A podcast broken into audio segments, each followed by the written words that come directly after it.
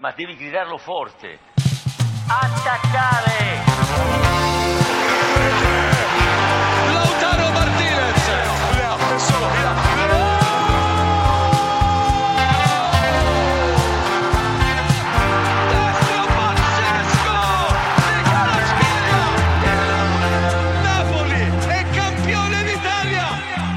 Het is dinsdag 6 februari 2024.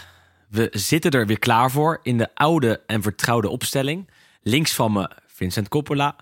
Rechts van me Wesley Victor Mak. En ikzelf ben eh, Willem Haak.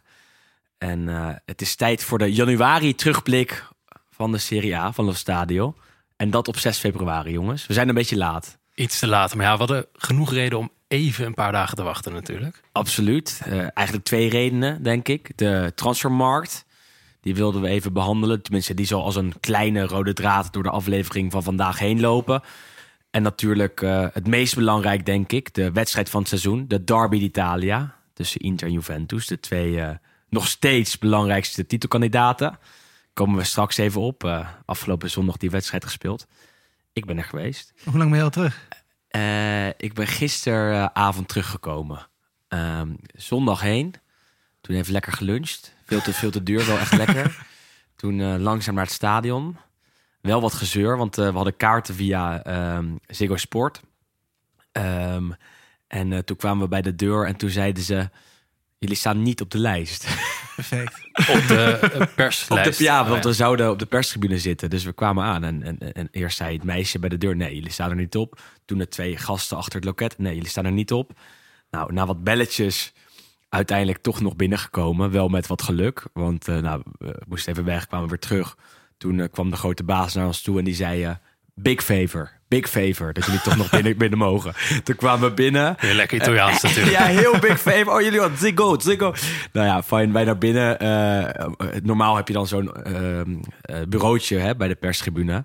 Terwijl we er niet echt hard gingen werken. of Ik weet het niet, hoor, maar- Nou ja, normaal heb je zo'n Ja. bureautje waarop je je laptop kan zetten. En waar je neutraal naar de wedstrijd gaat kijken. En nu zaten wij voor alle bureautjes. eh, op een soort rij waarvoor je dan weer een hek had. Dus het waren gewoon slecht zichtplekken waar ze nog twee kaarten voor hadden geprint. Maar goed, je was binnen. Toch? Maar we waren Uiteindelijk binnen. draait het Dus je kan altijd zeggen dat het glas half leeg is. Maar uiteindelijk waren we na wat gestrest alsnog, eh, alsnog binnen. En eh, met wat nekbewegingen konden we gewoon alles zien. En zagen we ook de paas van Çalhanoğlu gewoon fantastisch. Ehm, en toen gisteren nog even naar de spa geweest. Lekker zeg. Dat is En van moest, je nog, moest je nog veel beelden schieten en zo? Of, nou, eh, ik heb een aantal dingen voor, eh voor, voor, voor Ziggo Sport geschoten. Daar is niet heel veel mee gedaan. eh, vanwege omstandigheden. Eh kan, kan, kan ik weinig over zeggen. Je had het- je kwam- lenskapje nee, nog op je lens zitten, kwam- eh? kwam niet, kwam, niet echt door mij dit keer. Eh, Dit keer niet. En eh, eh, dus daar is wel wat van gebruikt. Interviewtje met wat fans en dergelijke. We wilden na afloop een mogelijk nog eh Klaassen, de Vrij Dumfries spreken. Alleen vanwege omstandigheden, vanwege eh, dat wij niet op de lijst stonden, mochten we niet naar de mixed zone. dus eh weer niet gelukt. Weer niet gelukt. Ja. Eh, voor de volledigheid, vorige keer, twee jaar geleden, was ik er ook. Blijven echt goede verhalen steeds. Toen eh, had ik een cameraatje mee, was ik in mijn eentje, was ik een beetje zenuwachtig. Drukte ik op het eh, fotostandje in plaats van op het filmstandje. Toen Denzel Dumfries voor je neus stond. ja, precies. Terwijl ik hem aan het interview was, had ik het al door. Toen dacht ik, ja, nu kan ik het ook niet meer zeggen. Laten we even opnieuw beginnen. Eh, dit keer was het echt, ja, het was, het was niet echt eh, mijn schuld, maar eh, vanwege omstandigheden lukte het toch niet allemaal. Eh, maar we waren erbij. Straks nog eventjes eh, over die wedstrijd, inhoudelijk denk ik. Ja. Ehm, ja, er is afgelopen maand veel gebeurd, ook, ook in negatief opzicht. Ehm, een paar belangrijke namen uit eh, de Serie A-geschiedenis zijn helaas overleden. De grootste daarvan is Gigi Riva. Laten we zijn dood, ehm, ja, of zijn leven vieren met een column van uh, Juria van Wessen. Want die weet over zulke soort spelers nog veel meer dan wij. Eh, vanwege zijn ervaring, vanwege zijn leeftijd, vanwege zijn oude werkzaamheden en werkzaamheden nog steeds.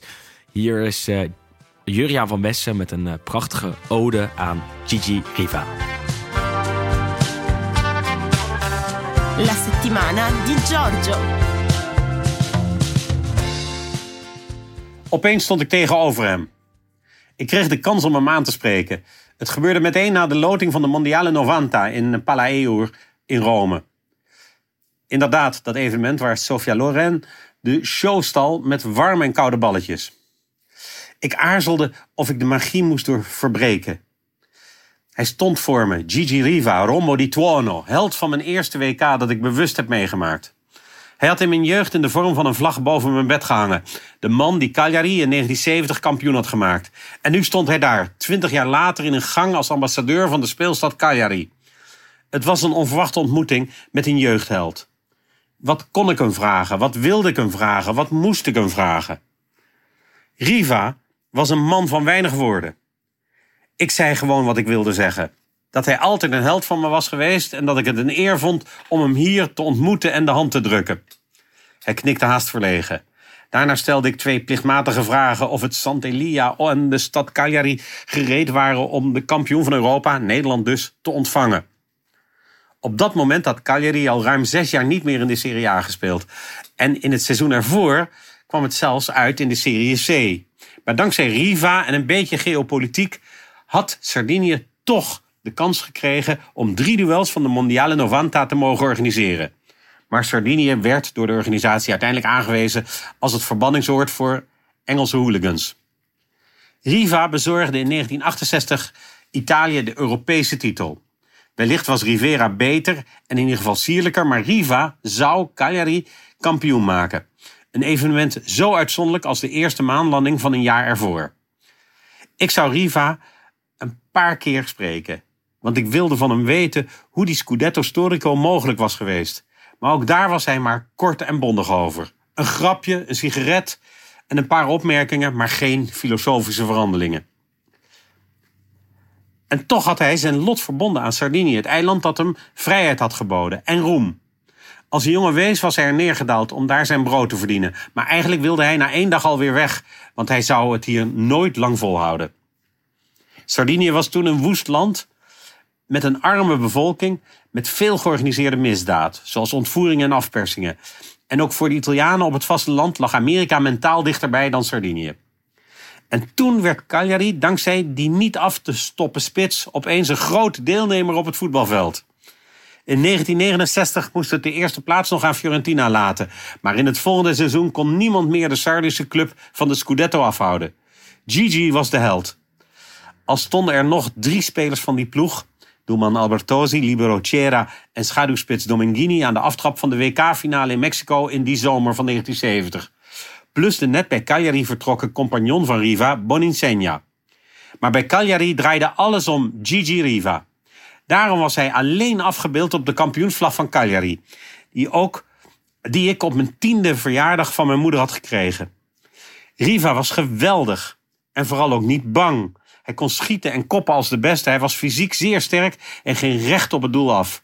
Hij dwong met zijn aanwezigheid respect af. Hij scoorde voor de Italiaanse begrippen uitzonderlijk veel en is daarom nog altijd de topscorer aller tijden van de Squadra Azzurra. In het seizoen 1970-71 was ik in de Europa Cup dan ook voor die club en niet voor Feyenoord of Ajax.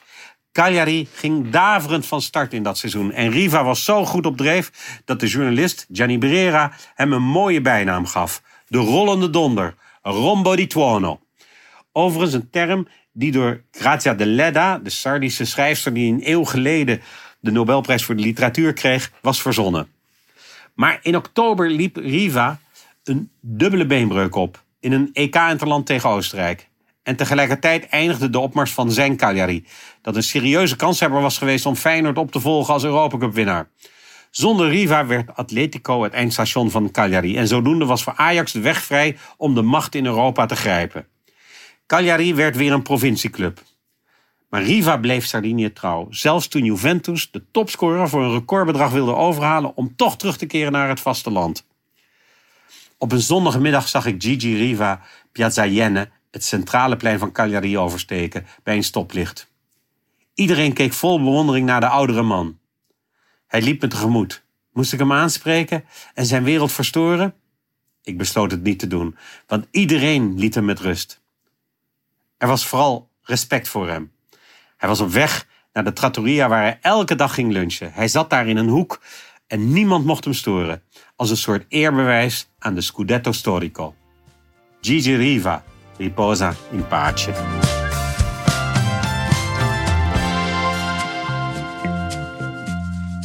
Altijd mooi om eh, uh, Juriaan te horen over uh, zulke soort namen, zulke soort belangrijke mensen in de geschiedenis van het Italiaanse voetbal. Vorig jaar natuurlijk ook uh, Vialli overleden. Dat was de favoriet van, van Juriaan. Met Gigi Riva ook ja, iemand ons ontvallen die, die een gigantische geschiedenis heeft in de Serie A. Natuurlijk nog steeds de topscorer van Azzurri. I- I- Maar is, is het nou, met, met alle respect natuurlijk, Ja. is het iemand eh, waarvan jij of jij Wes echt heel goed weten wat hij allemaal heeft gedaan? Of heb je beelden van hem gezien? Want ik heb zelf, ik kende zijn naam natuurlijk wel heel goed. En ik wist dat het een hele grote speler was en dat topscorer van Anturi is. Maar daar hield het dan ook wel een beetje mee op. Ik weet dat hij kampioen is geworden met Cagliari. En Ja. daar echt groot was. Dat hij, eh, en dat heb ik ook laatst in een podcast daarna weer gehoord. Hoor. Dus dat is wel eh, aangevulde kennis. Eh, maar ik wist wel hoe groot hij was. Of dat hij heel groot was. Dat het een naam was die het bij de Azzurri fantastisch heeft gedaan. Dat hij Cagliari groot heeft gemaakt. destijds. Ja. Ehm, eh, eh, natuurlijk zeggen namen zoals Baggio en, en, en Vialli mij meer. Omdat die meer Omdat uit, het eh, wat recenter is Ja, natuurlijk. exact. Alleen Gigi Riva is wel iemand eh, in het rijtje met, met Paolo Rossi, zou ik zeggen. Zeker. Eh, en die heb ik ook nooit in actie gezien. Maar daarvan weet je wel eh, dat hij een gigantisch aandeel heeft gehad... in de geschiedenis van het Italiaanse voetbal. Ja, ja. Ehm, dus ik, ik, zag dat in de rust van Napoli-Inter in de Supercoppa. Op die dag overleed hij. Ehm, en, ja, echt op dat moment zelfs. ja, op dat moment. Want, want nou ja, eh, de tweede eh, helft moest beginnen. En, en toen was er in Saudi-Arabië, want daar werd die Supercoppa gespeeld, een minuut stilte. Tenminste, het had stil moeten zijn, maar er werd gefloten. Erg hè? Ja, heel erg. Ja. Ja, volgens mij, ze doen daar niet echt aan, aan minuten stilte, toch? Want dat was volgens mij ook bij de Spaanse... Met Beckenbauer, ja. Ja, nou ja, goed, het is... eh, Nou, als- maar als ik Ja. dat dan zie, dan kan, dan kan ik daar echt best wel boos van Ja, goed, is, ja. kijk, het is natuurlijk sowieso schandalig dat de Italiaanse competitie Daarom. daar, of tenminste dat de Supercoppa daar wordt gespeeld. Maar goed, dat is nu al jaren zo. Ja, het, blijft gewoon heel erg triestig en ja. Absoluut. Ja, kijk, weet je, je verkoopt die ziel al inderdaad om daar te gaan spelen. Dus je waardigheid ligt al helemaal op de grond. Ja, goed, dus En dan je nog- kunt hier dan niet iets over zeggen, want het is al erg. Maar En dan gaan ze, dan Ja. schoppen ze je nog. Ja. Eh, Op, Ja. op, op zo'n belangrijk moment. Want Gigi Riva is echt groot. En je zag in de dagen en ook nog zoals steeds eerbetonen aan hem, zeg maar. ja, ook als je zag bij Cagliari inderdaad, er zat natuurlijk die... eh, dat, ze, dat, dat de fans nog een laatste goed konden Ja. brengen aan hem. En het stond echt rijen dik en pleinen vol. En Ja. dat was echt bizar om te zien. En goed, kijk, ik snap heel goed dat zeker als je natuurlijk niet heel erg diep in het Italiaanse voetbal zit. Kijk, ieder land heeft tegenwoordig, denk ik, in de laatste 10, 20 jaar een keer een nieuwe topscorer gehad die we allemaal kennen. Weet je, in Spanje is het nu, wat is het, eh, Morata geloof ik staat er bovenaan. Eh, nou, in Nederland hebben we natuurlijk bijna Memphis die, eh, die daar eerste is. Dus overal verandert dat een beetje Harry Kane bij Engeland. Ja. Frankrijk, Lukaku Frankrijk met? Giroud. Lukaku, België, maar goed, dat is al heel Ja, lang. Die staat ja, al ja, op ja, 70 of ja, 80 ja, goals, geloof ik. Maar goed, het is bizar dat zo'n groot voetballand als Italië een topscorer heeft uit, nou, letterlijk de, ja, praktisch geen 100 jaar geleden. En met best wel 35 ja, goals, wat ook heel weinig, is. ja. Maar als je ook ziet van even het lijstje van huidige spelers die dichtst erbij staan, Mhm, is dan Immobile op 17, dus dat is minder dan de helft. En Ja. Belotti op 12. En Totti had er ook maar acht of zo, hè? Ja, het is- dat is ook het is- eh, gigantisch weinig. Ja, maar en moet je nagaan, want Totti is wel een man die denk ik eh, 100 eh, interlands heeft gespeeld. zoiets. Maar in die tijd dat hij actief was, wat is dat, eh, jaren 60, Ja. 70, Uh, uh. speelde hij natuurlijk sowieso veel minder wedstrijden Daarom. en Ja, Totti heeft interlands. 9 goals in 52, eh, 58 wedstrijden. Ja, nou ja, alsnog. Oké, geen 100, maar wel 58 Maar wel wedstrijden. 58. Ja, precies. Nee, oké, maar wel, wel veel. Hè? Ja. Maar, maar, maar, Riva heeft- Eh, goals. Riva maakte er 35 in 42. Ja, Ja, dat is een Nou, prima gemiddelde. echt bizar. Voor die tijd zeker. Ja. Dus eh, een, een grootheid, het Italiaanse voetbal ontvallen. Eh, Koert Hamrin ook overleden. Ook een grootheid uit de Serie A. Speelde voor... eh, Fiorentina vooral ja, daar echt ook grote. Ja, hij is toen van, hij kwam van uit, uit Zweden. Dat was toen een beetje die periode dat je natuurlijk al die Zweden en Denen en Scandinaviërs had hij naar Italië kwamen. Hij kwam toen eerst bij Juve terecht en toen uiteindelijk inderdaad via Fiorentina vooral de meeste prijzen gewonnen. Volgens mij meer dan 190 goals in de Serie A. Dus dat zijn echt flinke namen die ja, Ja, de Serie A ontvallen zijn dit jaar. En dat, zo gaat het natuurlijk ook door. En eh, nou ja, dat, dat, eh, hier is ook de plek om hen eh, nog even te noemen. Belangrijk natuurlijk. Ehm, terug naar het positieve zou ik zeggen. Want we hebben vandaag eh, een boekje te verloten. Een leuk, mooi boekje in het roze van Jarno Timmermans. Dat is een man die veel met Italië werkt. Ook met Nederlandse voetballers die naar Italië gaan. En die helpt hier om daar te aarden. Hij heeft nu een... Italiaans vo- eh, voetbalwoordenboek geschreven. Waarbij hij eh, ja, alles eh, doorneemt en doorloopt. Ik heb het eh, boekje al twee, drie weken geleden ontvangen. En eh, daar staan echt mooie termen in. Eh, ik kende de meeste wel, maar soms denk je, oh ja, dat is ook nog, eh, dat is ook nog leuk. Ja. En wat is een staccanovista dan? Ja, weet ik veel. maar hier, een, een sorbiciata, een, een, een omhaal. Ehm, een andere naam, eh, andere naam voor een omhaal. Want normaal zeg je rovesciata. Nou ja, dat is toch wel leuk. Ehm, en wij mogen er eh, eentje verloten. En misschien zelfs twee. Ehm, en ik dacht dat, dat het leuk was dat onze luisteraars hun favoriete Italiaanse voetbalterm met ons delen. En Dat, waarom eh, ook vooral? en waarom, precies. Dus je zegt die term. En waarom is die term jouw favoriet? Dat kan je delen op Twitter of op Instagram. Of op onze Vriend van de Show pagina. www.vriendvandeshow.nl slash Lostadio. Daar deel jij even die term met de reden daarvan. En eh, wie weet eh, win jij dan wel het eh, Italiaans voetbalwoordenboek van Jorno Timmermans. Ehm, lijkt mij leuk om te hebben in ieder geval. Zeker. Ehm, nou ja, ik heb er hier, hier tijdelijk, want de, de versies die ik hier heb, die gaan uit. weer de deur uit. Hij is uit. Ja, nou ja, dan koop ik hem misschien nog wel. Ehm, hij is zo uit, ja, maar eh, weet je wat Ja, jij hebt hem uit, bedoel ik. Ik heb hem uit, maar dat, dat, met een woordenboek heb je natuurlijk dat je af en toe wat Ja, het is- vergeet. het is en dat een- je het weer het is moet een referentiekader Ja, een Een, soppel, eh, ja, een ja. kreupel, mank iemand. Ja, nou, je noem maar wat. Ehm, jongens, ik stel voor dat we gaan beginnen. Ehm, aan de hand van eh, de Serie A-ranglijst gaan wij gewoon weer de afgelopen maanden doornemen. Niet zonder eerst even Yannick Sinner te benoemen. Wat natuurlijk ook fantastisch was voor het Italiaanse eh, sportgezelschap waar eh, wij toe behoren. Eh, maar eh, het is een podcast over voetbal en over de Serie A. Dus ik zeg dat we gaan beginnen.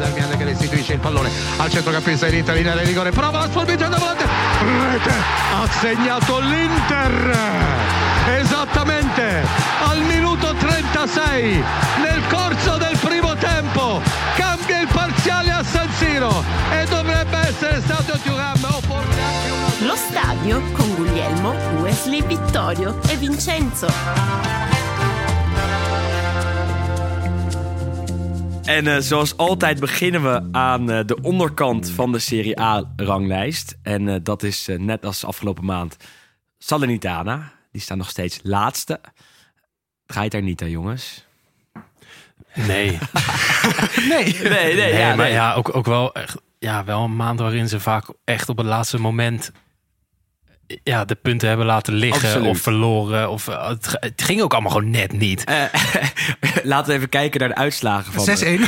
nou, 6-1, maar daarna... Ja, Ja. 6-1 was in de Coppa Italia natuurlijk. Maar daarna 1-2, 2-1, 1-2, 1-2, 1-2 en 0-0. Dus ze eh, zijn niet zo slecht als de ranglijst doet vermoeden. Ja, en vooral natuurlijk achtereenvolgens wat goed. Die 6-1 was inderdaad de eerste wedstrijd van dit seizoen. Coppa Italia tegen Juve. Bij, ja, in Turijn. jaar, ja, ja. Dat is op zich natuurlijk niet heel schokkend dat je die überhaupt verliest. Nee, Eh, het weekend daarna kwam Juve dan naar Salernitana. En duurde tot inderdaad de extra tijd. Vlaovic. Eh, dat Vlaovic hem eh, toen nog inkopte. De wedstrijd daarna tegen Napoli. Eigenlijk precies hetzelfde verhaal. Ze kwamen op voorsprong. Ook uiteindelijk in de laatste minuut. Ja, Tegen zielig. Ja, en dat, dat was ook die wedstrijd.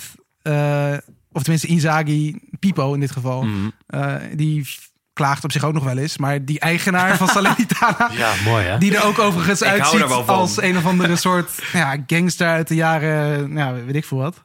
Hij heeft zo'n heel vies hoedje op. Ja. Zo'n zo'n Ja. fedora, geloof ik. ja, ja. En dan zit hij daar met zo'n met zo'n sjaaltje en een jasje op de tribune met zijn vriendjes. En dan, Hij is echt woedend geworden. Ja. Hè? Dat was door de wedstrijd tegen Juve. Eh, toen er een overtreding op het middenveld was. En eh, Gatti vond hij rood had moeten hebben. Gaf de scheidsrechter niet. En daarna is Jarvalino, want zo heet die eigenaar, naar de eh, pers gegaan. Volgens mij naar Il Mattino, wat daar een grote krant is in- in Napels en omstreken. En dus ook in Salerno. Eh, en toen zei hij, weet je wat het is? Er is gewoon geen respect voor Salernitana. En als het zo doorgaat, dan eh, gaan wij in een andere competitie spelen. dat lijkt me heel leuk. Kijk, we waren, toch al bezig, dan? we waren toch al bezig met plannen om de Serie A naar 18 ploegen Ja, te nee, maken. Dus- ja. Maar eh, Salernitana de Griekse competitie of iets dergelijks. Nou, het zou best leuk zijn. Of Lijkt het kan, grappig. is een, is een In ander Kroatië verhaal. of zo. Eh, uiteindelijk eh, eh, eh, spelen ze nu nog in de Serie A. Eh, volgend jaar waarschijnlijk niet meer. Nee, Kan ik dat dit zeggen? is wel de, een van de gedoodverfde degradanten. En ze hebben ook op transfergebied niet specifiek heel erg Nee. mooie dingen gedaan. Ze hebben Jerome Boateng gehaald, waar we in deze podcast niet heel positief over gaan zijn, omdat Nee. het gewoon een beetje een smeerlap van de vent is. Ja, ja. Ehm, Wel Sabatini teruggehaald als eh, ja, dat is eigenlijk de enige, de enige reddingsboei, denk ik. Want die heeft natuurlijk een paar jaar terug eh, ja, of tenminste zijn hele carrière bestaat een beetje uit het vinden en ontdekken van parels en reddingsboeien altijd, die, ja. eh, ja, die, die, die ploegen nodig hebben. En, maar goed, ja, weet je, hij, zit, hij is zelfs er ook niet heel goed aan toe volgens mij qua gezondheid. Want ik zag beelden van hem dat hij inderdaad, ja, het is echt een kettingroker, maar hij zit nu aan zo'n soort beademingsapparaat, gewoon 24/7 met van die slangetjes in zijn neus en zo'n soort tank op zijn rug. ja, nee, Het was een heel surrealistisch beeld. Hij kwam terug en volgens mij op de eerste dag daarna was dus de hele selectie kwam dus eventjes een soort van bij hem op audiëntie. Ja, eh, om van hem dan te horen hoe het nu zou gaan dan de rest van het seizoen. En dat je zag hem dus inderdaad echt zitten in een rolstoel met die slangetjes in zijn neus. En dan stonden er zo veertig van die fitte gasten omheen. achter een soort hek ook. het, was, heel- het? het was heel gek. Het was heel gek. Maar goed, ja, ik vrees wel echt voor Salernitana dit, dit Zeker. Eh, goede nieuws voor Pipo Inzaghi is dat zijn vriendin wel hartstikke knap is. Die wordt ook nog gedeeld afgelopen maand. ja, en heel jong. maar ze valt, ze valt, ja, valt- daar het valt- gaan we niet te het veel valt over zeggen. mee. Ja, het valt wel mee hoe jong ze is. Nummer 19 is Empoli. Ehm, daar sloeg afgelopen maand de paniek toe. Want eh, ze ontsloegen trainer Andrea Zoli, nummer 2 van het seizoen al. Want hij eh, was eerder al de opvolger van Giannetti, die destijds werd ontslagen. Paolo Giannetti. Ehm, en naar wie grijp je dan? Of naar wat grijp je dan? Eerst naar de Rolodex. Ja. En vervolgens... Onder het kopje reddingsboeien. ja, ik wil bijna zeggen, naar wie anders schrijf je dat? Nou, toch? en wie anders grijp je dan dan Davide Nicola? De moeilijkste naam voor een Nederlander om uit te spreken van een Italiaan, denk ik. Davide Nicola. Davide Nicola is heel eh, eh, makkelijk om het zo te zeggen. Het is Davide Nicola. Eh, ik hoop dat ik het nu goed Ja, ja, zeg, maar dat denk ik wel. Eh, en onder hem gelijk vijf punten uit drie wedstrijden, jongens. Dit dit is weer fantastisch. Die maar man, hoe hè? kan dat nou? Ja, ja, kijk, ik denk oprecht wel dat de selectie van Empoli beter is dan de ploegen eromheen. Alleen ja, goed, het moet er inderdaad uitkomen. En we hebben regelmatig hier natuurlijk dat we dan zeggen van ja, er zit veel meer in. Ook bij bijvoorbeeld de Sassuolo, komen we straks natuurlijk ook ja, op. zeker. Maar ik denk dan ook wel dat... Ja, je moet denk ik ook gewoon af en toe wat nieuwigheid hebben. En die Andrea was, was nu natuurlijk ook de derde of de vierde keer natuurlijk dat hij al terugkwam bij Empoli. Dus dat helpt natuurlijk ook niet echt bij soort van het schokeffect wat je misschien ook wil hebben eigenlijk natuurlijk. Met even een nieuwe cultuur creëren misschien of een nieuwe manier van denken en, en, en doen. En blijkbaar kan Nicola dat wel. En ja, wat je zegt, vijf punten, eerste wedstrijd. Gelijk een hattrick van Zurkowski, die de rest van het seizoen nog niet had gevoetbald, gevoelsmatig. Maar Tegen Juve pakken ze een verdiend punt. Ja, Het lukt overal. Hè? Ik bedoel, als je kijkt naar eh, Nicola, die eh, heeft bij Genoa gezeten, daar lukt het. Het lukte bij Torino, eh, het lukte bij Salernitana, Crotone. Crotone. Eh, dus als je hem aanstelt, dan weet je eh, dat je eh, je in de Serie A gaat handhaven. Maar het is dat ook kan je eigenlijk zeggen. Het is bijna garantie. ja, maar het is ook gewoon een soort psychologisch ding, denk ik. Want je haalt wel echt iemand binnen waarvan je die zo'n goed track record heeft op dat, op dat gebied. Dat is denk ik ook voor die spelers en, en fans Een en zo'n hele. Ja, dat is echt fijn. Mooie, mooie Ja. man vind ik dat ook. Dat zie je ook naast het veld, eh, waar hij heel positief lijkt te coachen. Je Ja. hoort het niet op de tv, maar Lijkt een hele oprechte. Eh, precies, en, en geeft die spelers een knuffel en toch een beetje de warmte die ze eh, willen en, en nodig hebben. Nummer 18 is Cagliari. Is eigenlijk weinig over te zeggen. Verloren gisteren met 4-0 van, van Roma, kansloos. Claudio Ranieri terug in het Olympico. Werd mooi onthaald door de Romanisti. En dat zie je elke keer als hij terugkeert in Rome. Eh, voor de rest was het wel pijnlijk, want eh, na twee minuten al 1 op Pellegrini en uiteindelijk werd het 4-0.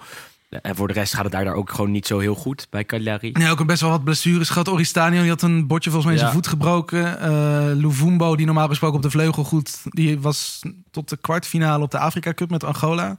Eh, dus ja, goed, Een dat, heel leuk team. wat Angola echt een leuk team is, ja. Maar goed, ja, dat helpt natuurlijk dan ook niet mee. Als je dan ook nog eens vecht tegen degradatie... wil je natuurlijk het liefst al je beste spelers er natuurlijk ook bij hebben.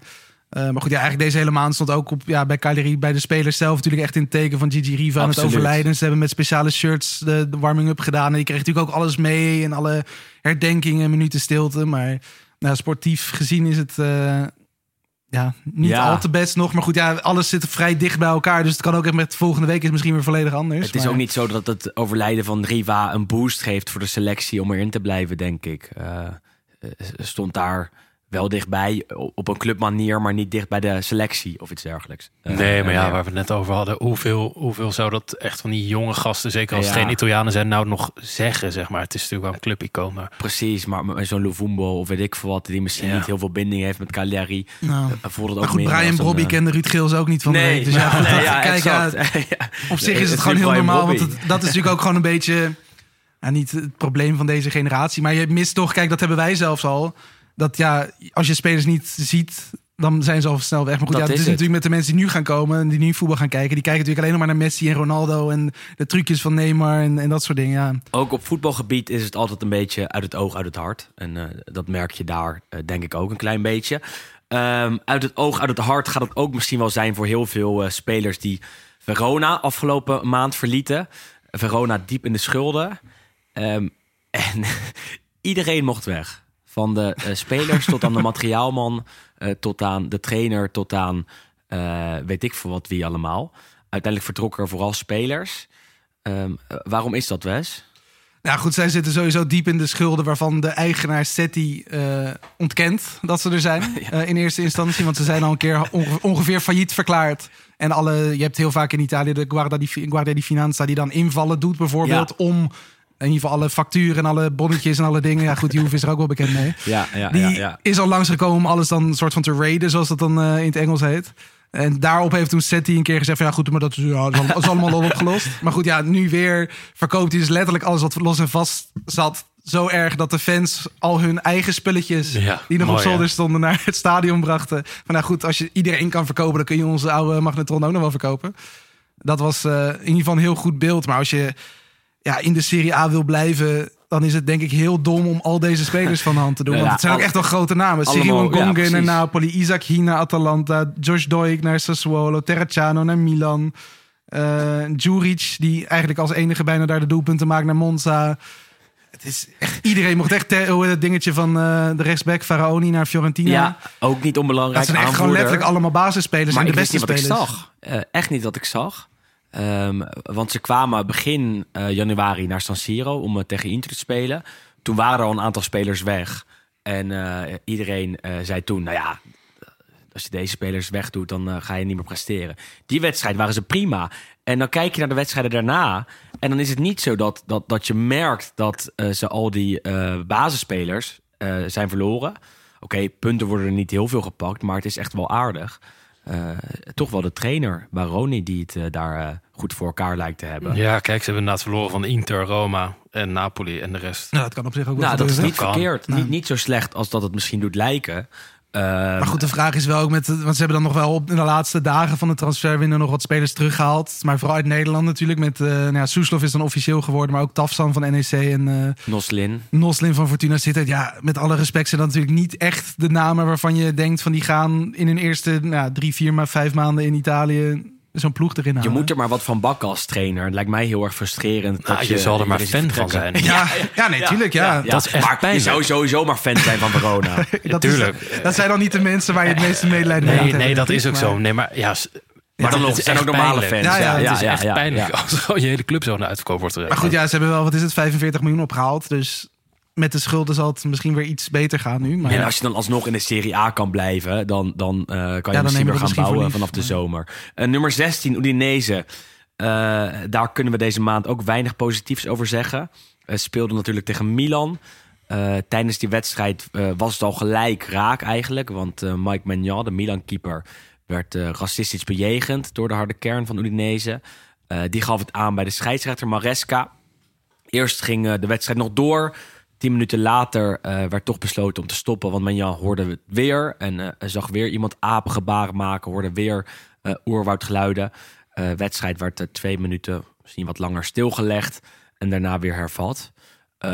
Eerst was de straf voor Udinese dat ze het twee wedstrijden zonder het hele stadion moesten doen, dacht ik. En die straf is nu teruggedraaid. Nu is alleen maar twee wedstrijden zonder de harde kern. Ehm, de club greep niet in, nauwelijks in. Die deelde een statement op eh, social media... waarin ze zeiden dat uh, Udinese niet racistisch is. Ja, een week later ook pas, Ja. geloof ik. En eh, in... eh, Nou nee, ze zeiden iets van... Ja, wat hadden ze nou geschreven? Ja, Van, goed, tijdens ja, de wedstrijd zelf, gewoon in dat Twitterverslag wat ze dan Hadden hadden ze doen, niks stond er gewoon van ja, de wedstrijd is eventjes onderbroken, Ja. we gaan zo verder. Ja. Nee, maar er is inderdaad een week later van... Ja, het is zo zonde dat eh, door een paar gekken... zeg maar, eh, iedereen Nou, over negatieve kam wordt geschoold. Nou, dat soort dingen. Maar ja. Dan denk ik van... Hoe kan je dat dan Ja, Iedereen ziet het. met droge ogen Ja. de wereld in Ja, kijk, aan de ene kant, ik bedoel, het zijn inderdaad, het is niet het hele stadion die het doet, maar ja, ik bedoel, Het waren er niet maar vijf. het- Het, het- het was waren echt wel ja. een, een groep. en tenminste de, de geluiden die ik heb gehoord, ik heb nog steeds niet gehoord dat ze meer dan die ene persoon hebben aangehouden. Eh, vier. Vier inmiddels Ja, nou. Vier. Eh, en niet veel meer dan dat. Maar die discussie hebben wij destijds ook gehad. Misschien wordt het er meer en duurt het wat langer Ja. om, om ze te identificeren. kijk, het is in ieder geval positief in die zin dat ook natuurlijk dat stadion vrij nieuw is. Dat er een mogelijkheid Exact. is tot het opsporen. Want goed, dat is wel e- hetzelfde wat we toen die discussie hebben gehad met Juve. Die hebben in ieder geval die beelden. was Dus goed, ik vind dan wel, dat hebben we toen volgens mij ook gezegd, dat als je in ieder geval meewerkt als club zijnde aan het opsporen, mag het meespelen in een, in een straf. Maar ja, Van mij mag je echt genadeloos hard straffen. En niet Ja, ik- alleen, niet alleen eh, eh, de eh, mensen die het hebben gedaan, maar ook het hele club. stadion. Want eerst gaat Menjan het veld af, die komt het veld weer op. Die wordt daarna gigantisch hard uitgefloten door het hele stadion. Ehm, ehm, en ik zeg niet dat je dan racisme steunt, maar je schaft het ook niet af, zeg maar. En, nou ja wat, wat, was dat Infantino die dat zei met puntenstraffen? Ja, maar, Kijk, maar- ik, ja, maar ik denk dat dat oprecht de enige manier is. Want je ziet nu in Nederland met natuurlijk die bekertjes bier. Wat bizar is dat dan iedere keer alles maar wordt stilgelegd. Maar je, merkt wel dat er iets meer soort van sociale bewustwording is. Ondanks dat het... Ja, volledig maar buiten proportie is. Puntenstraf vind ik, vind, ik, vind ik echt gevaarlijk. Want dan ga je eh, het voetbal met het, het, het, het, het gebeuren omheen eh, mengen. en, dat is heel Italië. moeilijk, vind ik. Welkom in Italië, waar alles gemengd is. Kijk, ja, het is inderdaad wel moeilijk balanceren tussen echt een zware straf die mensen ertoe zet om het niet meer te doen. Maar ja, als je inderdaad een puntenstraf bijvoorbeeld eh, zou invoeren en er gaan een paar eh, gekken zeg maar in het thuisvak Ja, zitten ja, van ja, de uitsupporters, ja, ja, ja. weet je, dan Exact. Dat, dat is ook het argument in Nederland vaak waarom ze het Ja. niet doen. Eh, dus dan ga je als eh, degradatieconcurrent, dus van Sassuolo, ga je naar Oedenen om, eh, om even wat bekers Ja. het veld op te gooien en wat, wat apengeluiden Ja. te maken. Nou ja, makkelijker gezegd dan gedaan, maar In ieder geval- theoretisch zou het kunnen gebeuren. Ja, en ik zou het vooral gewoon charmant vinden als een club een keer echt het boetekleed zou Ja. aantrekken. Want ja, ook dat gebeurt niet. Nee, nee, door niemand ooit. Nee. Gebeurt eigenlijk door niemand. We hebben het de afgelopen vijf jaar dat wij deze podcast maken vaak besproken. En het is nauwelijks gebeurd dat iemand zei eh, dat ze eh, het hadden gehoord. Behalve Claudio Ranieri, meen ik me te herinneren. Die zei een keer dat hij eh, zulke soort dingen niet wil horen in het stadion. Voor de rest heb ik niet vaak mensen het boetekleed zien aantrekken. En, en, en dat is ook iets waarvan je kan zeggen, welkom in Italië. Want, ja, nou goed, kijk, de eerste reactie is natuurlijk al... Gewoon eigenlijk altijd, ja, maar het, het, is niet het hele stadion. Het is niet allemaal. Het zijn er Ja, maar een paar. ja, en dat, dat ja. is met heel veel van dit soort sowieso maatschappelijke dingen. Weet je, het zijn maar een paar gekkies. Het Maar zijn maar een paar. Het is maar een kleine groep. Het is een maar, kleine groep, Ja. maar de grote groep moet het wel afkeuren. En eh, die moeten dan niet eh, het toejuichen als Menjan nog harder wordt aangepakt. Vind ik serieus. Ja. Eh, en en eh, voordat we doorgaan, wel even zeggen dat we het bij bijna alle Italiaanse clubs zien. Niet alleen bij Udinese hebben we het gezien, maar we hebben het ook bij Inter gezien, bij Juve, bij Cagliari, bij Verona, enzovoort, Lazio, enzovoort. Lazio natuurlijk eh, sowieso. We, we zien het te vaak, te veel. En eh, bij de ene club wat vaker dan bij de andere. Eh, en, en helaas dit keer bij Udinese. Ja, nou ja. Kijk, we gaan ook niet te veel voor. Nee, maar, maar- het is inderdaad een probleem dat veel dieper gaat dan voetbalstadions. Ja. Want het zit gewoon in de samenleving. Absoluut. En ja, zie dat er maar eens uit te krijgen. Je moet mensen opvoeden. Ja. Je moet Italianen opvoeden. En dat is eh, blijkbaar heel moeilijk. Die lopen toch een beetje, eh, of vaak lopen eh, de meeste Italianen, of een deel van de Italianen loopt een beetje achter wat betreft het accepteren van, van zwarte mensen in hun gemeenschap. Ja, überhaupt met alles toch een beetje. Eh, en heel ook, maatschappelijk gezien is Italië natuurlijk best wel. Ja, prehistorisch is misschien dan wel, wel heel erg. Maar ik bedoel, ja, in sommige gevallen natuurlijk ook met die demonstraties. Dat is natuurlijk met extreem rechts allemaal met een armpje omhoog staan ergens in het En midden laat, van Rome. en ja. laat opgericht. Het is gewoon een veel jonger land dat nog steeds in ontwikkeling is. En Nederland is in dat eh, opzicht, net zoals België, een stuk verder. Ook nog niet klaar, maar eh, echt lichtjaren vooruit op Italië. Waar je eh, echt af en toe Maar ook wel een heel groot deel, denk ik, ook nog een beetje religieus natuurlijk getint is. Ja. Qua ons kent ons en, en niet Ja. veel verder kijken dan je eigen zeil, zeg maar. Nee. Nou ja, we gaan dit we sociale gaan, eh, vraag nee, niet oplossen. Dus, eh, we zijn niet de Italië niet een keer een hoogleraar ja, of zo nee, we ja, precies, dat is belangrijk. Lijkt me leuk. Eh, nummer 15 is Sassuolo. Eh, daar gaat het toch wel heel slecht. Eh, zakken, zakken, zakken, zakken, zakken, zakken, zakken. Eh, en inmiddels zijn ze gezakt tot aan eh, plek 15. Ehm, wat gaat daar nou mis? Want dat is toch ongelooflijk. Elke keer zeggen we dat het heel vrijblijvend is. Eh, maar is dat het nou? Of is het gewoon niet zo goed allemaal? Nou, zeg maar, de afgelopen tien podcasts hebben we inderdaad gezegd... het is te vrijblijvend en ze zullen altijd een beetje daar in die regionen blijven zitten. En, maar het is nu wel echt een stuk slechter En het gaat ook echt een stuk slechter Ja. met Sassuolo. Dus ja, maar wat het dan precies is, wat er dan is veranderd ten opzichte van de vorige maand, dat kan ik je ook niet 1, 2, 3 vertellen. Het is ook mentaal, denk ik. Want ik eh, eh, las dit op internet. Ze verloren 17 punten na op voorsprong te hebben gestaan. Dus dat gooien ze allemaal weg. Ze kregen al 14 goals tegen in het laatste kwartier. Ehm, en, en dat houdt dus in dat ze gewoon de afgelopen maanden, de afgelopen weken, nauwelijks punten pakken. En alsmaar aan het zakken zijn. Eh, sterker nog, als jij naar hun resultaten eh, kijkt, zie je dat ze hebben gewonnen van Inter en van Juve dit seizoen. Wat super knap is, want Inter en Juve eh, verloren maar één keer. En allebei de keren was dat tegen eh, Sassuolo. Tenminste, tot afgelopen weekend, want Juve verloor van Inter. Eh, ik was zo bijna Straks vergeten. Ik was zo bijna vergeten. Eh, hoe dan ook, als je die, die punten ervan aftrekt... en dat moet je niet doen, dat snap ik... maar dan zouden ze gedeeld laatste staan. Nou, Ze hebben wonderbaarlijk genoeg punten gepakt tegen Juve en tegen Inter... wat echt heel knap is. En voor de rest pakken ze bijna niets. Nee, maar kijk, inderdaad, in een logisch verloop van deze competitie hadden ze twee keer verloren van en Inter. Dat en ik. hadden ze misschien ergens anders een keer wat punten gepakt. En dan hadden ze gewoon stijf onderaan gestaan. Dus Maar ja, het is, je ziet ze en je denkt, nou, eh, eh, ik zat even Juve Sassuolo te kijken. Normaal is dat voor Juve een lastige wedstrijd. Sassuolo is een eh, team dat wil voetballen en, en daar hebben grote clubs in Italië het vaak moeilijk mee. En, en dit was echt shocking. Ze deden niets. Ze krijgen eh, er geen vinger achter. Eh, mentaal niet, maar ook tactisch niet. En eh, op een gegeven moment moet, moet een eigenaar of de president toch beslissen om door te gaan. En om Dionisi toch de deur te wijzen. Want op deze manier is het echt niet uitgesloten dat Sassuolo volgend seizoen in de Serie B speelt. Ja, dat zou wel echt heel zonde zijn. Ook gewoon natuurlijk vooral vanwege alles wat er inmiddels al is opgebouwd. Maar ja, ik weet niet. We hebben volgens mij vorige keer ook een beetje gezegd... dat het natuurlijk wel een van de ploegen is... waar juist niet heel snel een trainer wordt ontslagen. En ik denk dat het ook wel bij uitstek een van de ploegen is... waar dus die Rolodex zeg maar niet is. In de zin van, ik kan me niet voorstellen dat die inderdaad voor zo'n oude eh, naam gaan. Die blijven denk ik toch gewoon voor innoverende jonge trainers gaan. Nou ja, goed, dan is dit eh, ja, Ja, het is het pijnlijk. gevolg in die zin ja. de consequentie daarvan. En ja, de vraag is van wanneer moet je dan afstappen van je principes om Maar, dan eh, daar maar in te blijven? Het of, is ook het gevolg van het verkopen van de beste spelers. Ja, maar dat is ook gewoon een beetje natuurlijk hun hele, hun hele systeem, Precies. toch? En, en dat doe je dus eigenlijk al, al tien jaar plus minus. Ehm, en op een gegeven moment kom je dan op, op een moment terecht waar je eh, aankopen doet die niet renderen of niet gelijk renderen. En eh, op dat moment is Sassuolo nu terechtgekomen, denk ik. Want als je naar de selectie kijkt, zit er echt weinig in. Berardi, veel geblesseerd dit jaar, heeft het wat moeilijker. Eh, had die transfer al langer moeten maken.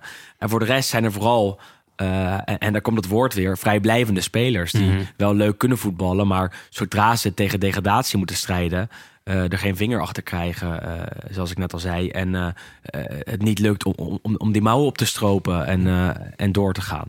Nee. Jammer en zeker iets wat we in de gaten moeten houden de komende maanden nog eventjes. Want eh, wij zijn er nog wel zeker eh, een paar maanden dit seizoen. Nummer 14 is Frosinone. Eh begonnen fantastisch, inmiddels ook wat afgezakt. En naar plek 14, één lichtpuntje daar. Matthias. Matthias Soule. Toch Wes? Ja. Weet jij alles van? Ja, die alles. speelde in de, in, in de jeugd van Juventus was het gewoon echt een geweldenaar. En je zag wel dat dat ook weer zo'n type speler is, vooral op een positie, een beetje een soort nummer 10. wat- Waarvan je denkt van ja, dat past niet echt helemaal in het systeem van Juve. Dus de kans was sowieso wel groot dat hij ergens anders zou gaan, eh, zou gaan spelen. En het is nu goed dat hij op huurbasis nu al gelijk zo goed is. Want natuurlijk ook nog jong. Ehm, ja, zijn eerste seizoen eigenlijk pas echt op het hoogste niveau. En als je dan nu inderdaad in de, in de dubbele cijfer staat als eerste Frosinone-speler in de geschiedenis. Kans op verkoop in de zomer is best aanwezig. Ja, ik denk Dat dat was nu hem, afgelopen eh, wil transferwindow uitcashen. vanuit Saudi-Arabië waren er al Ja. eh, biedingen. Eh, goed, dat wil hij zelf niet, want hij wil gewoon ja, het hoogst mogelijke nastreven, wat al een heel nobel iets is, denk ik. Eh, maar goed, ja, ik neem aan dat er Premier League ploegen en Spaanse ploegen zullen deze zomer echt wel komen met nou, 30, 40 miljoen. En dan is de vraag natuurlijk van, kun je hem zelf gebruiken? Nou, dat kan wel, alleen niet echt per se in het systeem wat Allegri met Juve speelt. Ja, dan denk je dat 40 miljoen fijne, eh, Dat denk een, ik ook. fijn bod is. En dan gaan ze het ook doen. Ja. Als, als eh, West Ham komt of zo. Voor hem wel zonde, zou ik zeggen. Eh, maar ook zonde om bij Juve te spelen en dan op de bank terecht Ja, te kijk, ik komen. vergelijk.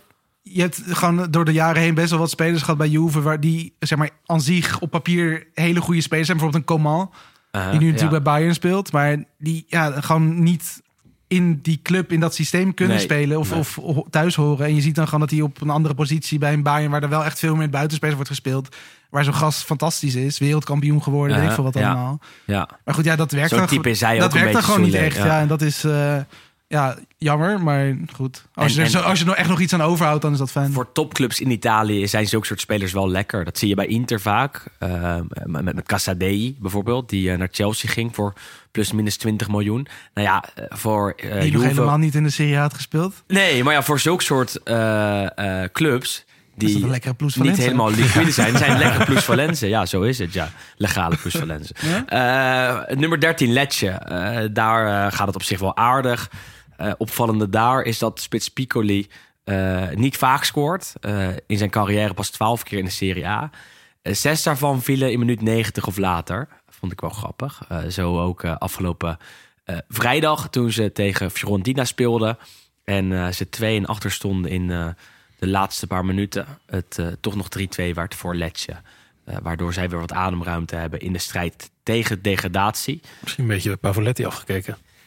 Een beetje van Pavoletti. En er zijn meer spelers die van Pavoletti eh, hebben geleerd. Eh, ook in de top van de Serie A.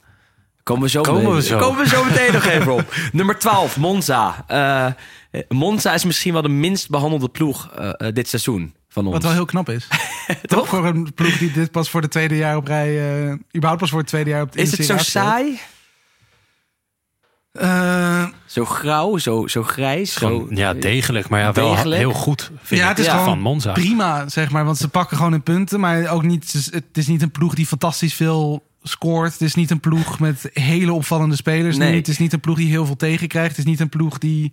Nou, het is gewoon een beetje gemiddeld. Maar ja, ruim voldoende voor zo'n ploeg. En nog steeds heel knap dat hij in een paar jaar inderdaad van Serie C naar Serie B... en nu gewoon vrij stabiel, zonder dat inderdaad iemand ernaar kijkt in die zin. Ze hadden wel een stap willen maken en die stap zetten ze dit seizoen nog echt niet.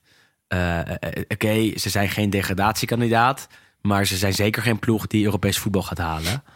Eh, volgend jaar misschien een nieuwe kans als er weer wat, eh, wat budget is. Nou, nou, je hebt daar nu wel in ieder geval die Valentin Carboni. Die wordt gehuurd van Ja. Inter. Dat is wel een fijne speler. Ehm, Wat ook een, een, een Soule-achtige Ja. eh, figuur is. Want Ja. Fiorentina bood daar al eh, Ook 20, 20 30 voor- miljoen 20 op afgelopen winter. Ja. Dat deed Inter niet. Maar ook zo'n speler Ja. kan een stap gaan maken in de nee, zomer. Compani, maar die hebben we vorig seizoen natuurlijk ook al een beetje Ja, besproken. Dat dat een Met de lange manen. Maar Dat zijn twee leuke spelers. Ja. Voor de rest is het niet, niet fantastisch. Ze hadden Gagliardini eh, en Ambrosio van Inter. Eh nou, Gagliardini... is sowieso een verschrikkelijke vent. Van een, sowieso een verschrikkelijke vent. En een hele slechte voetballer. die was tegen Inter echt, echt vreselijk. Nummer 11 is Genoa. waar het wel echt goed gaat. Eh, bij Monza gaat het redelijk. Bij eh, Monza eh, gaat het oké. Bij Genoa gaat het echt goed. Als je promovendus bent en je op plek 11 staat na 23 speelrondes... is dat gewoon hartstikke knap. Ehm, trainer Alberto Gilardino. Is hij de man die daar verantwoordelijk voor is? Mm, ja, je zou kunnen zeggen van wel. Maar ik vind ook dat we... We hebben bijvoorbeeld Koemoetson hebben we een keer in de spotlight gezegd. Ja, ze hebben ook wel een paar hele fijne spelers. Niet alleen individueel, maar je ziet ook... Denk in de aanval dat de wisselwerking van een Goedmoedson met een Rettegi en een eh Ecoban bijvoorbeeld. Ja, het, het loopt op de een of andere manier allemaal hartstikke goed. Zeker. En, ja, Gilardino laat dat ook goed lopen natuurlijk. Eh, maar het werkt eh, allemaal goed samen dit seizoen. En dat is voor een promovendus hartstikke knap. Ik vind het mooi dat Gilardino een goede trainer is. Ja, maar dat is, dus, verwacht. dat is dus heel bijzonder. Want hij was eigenlijk, want dit is ook niet zijn eerste klus, zeg maar. Want hij heeft hiervoor al echt een, ja, in ieder geval op iets lager niveau best wel aardig wat ploegen al gehad.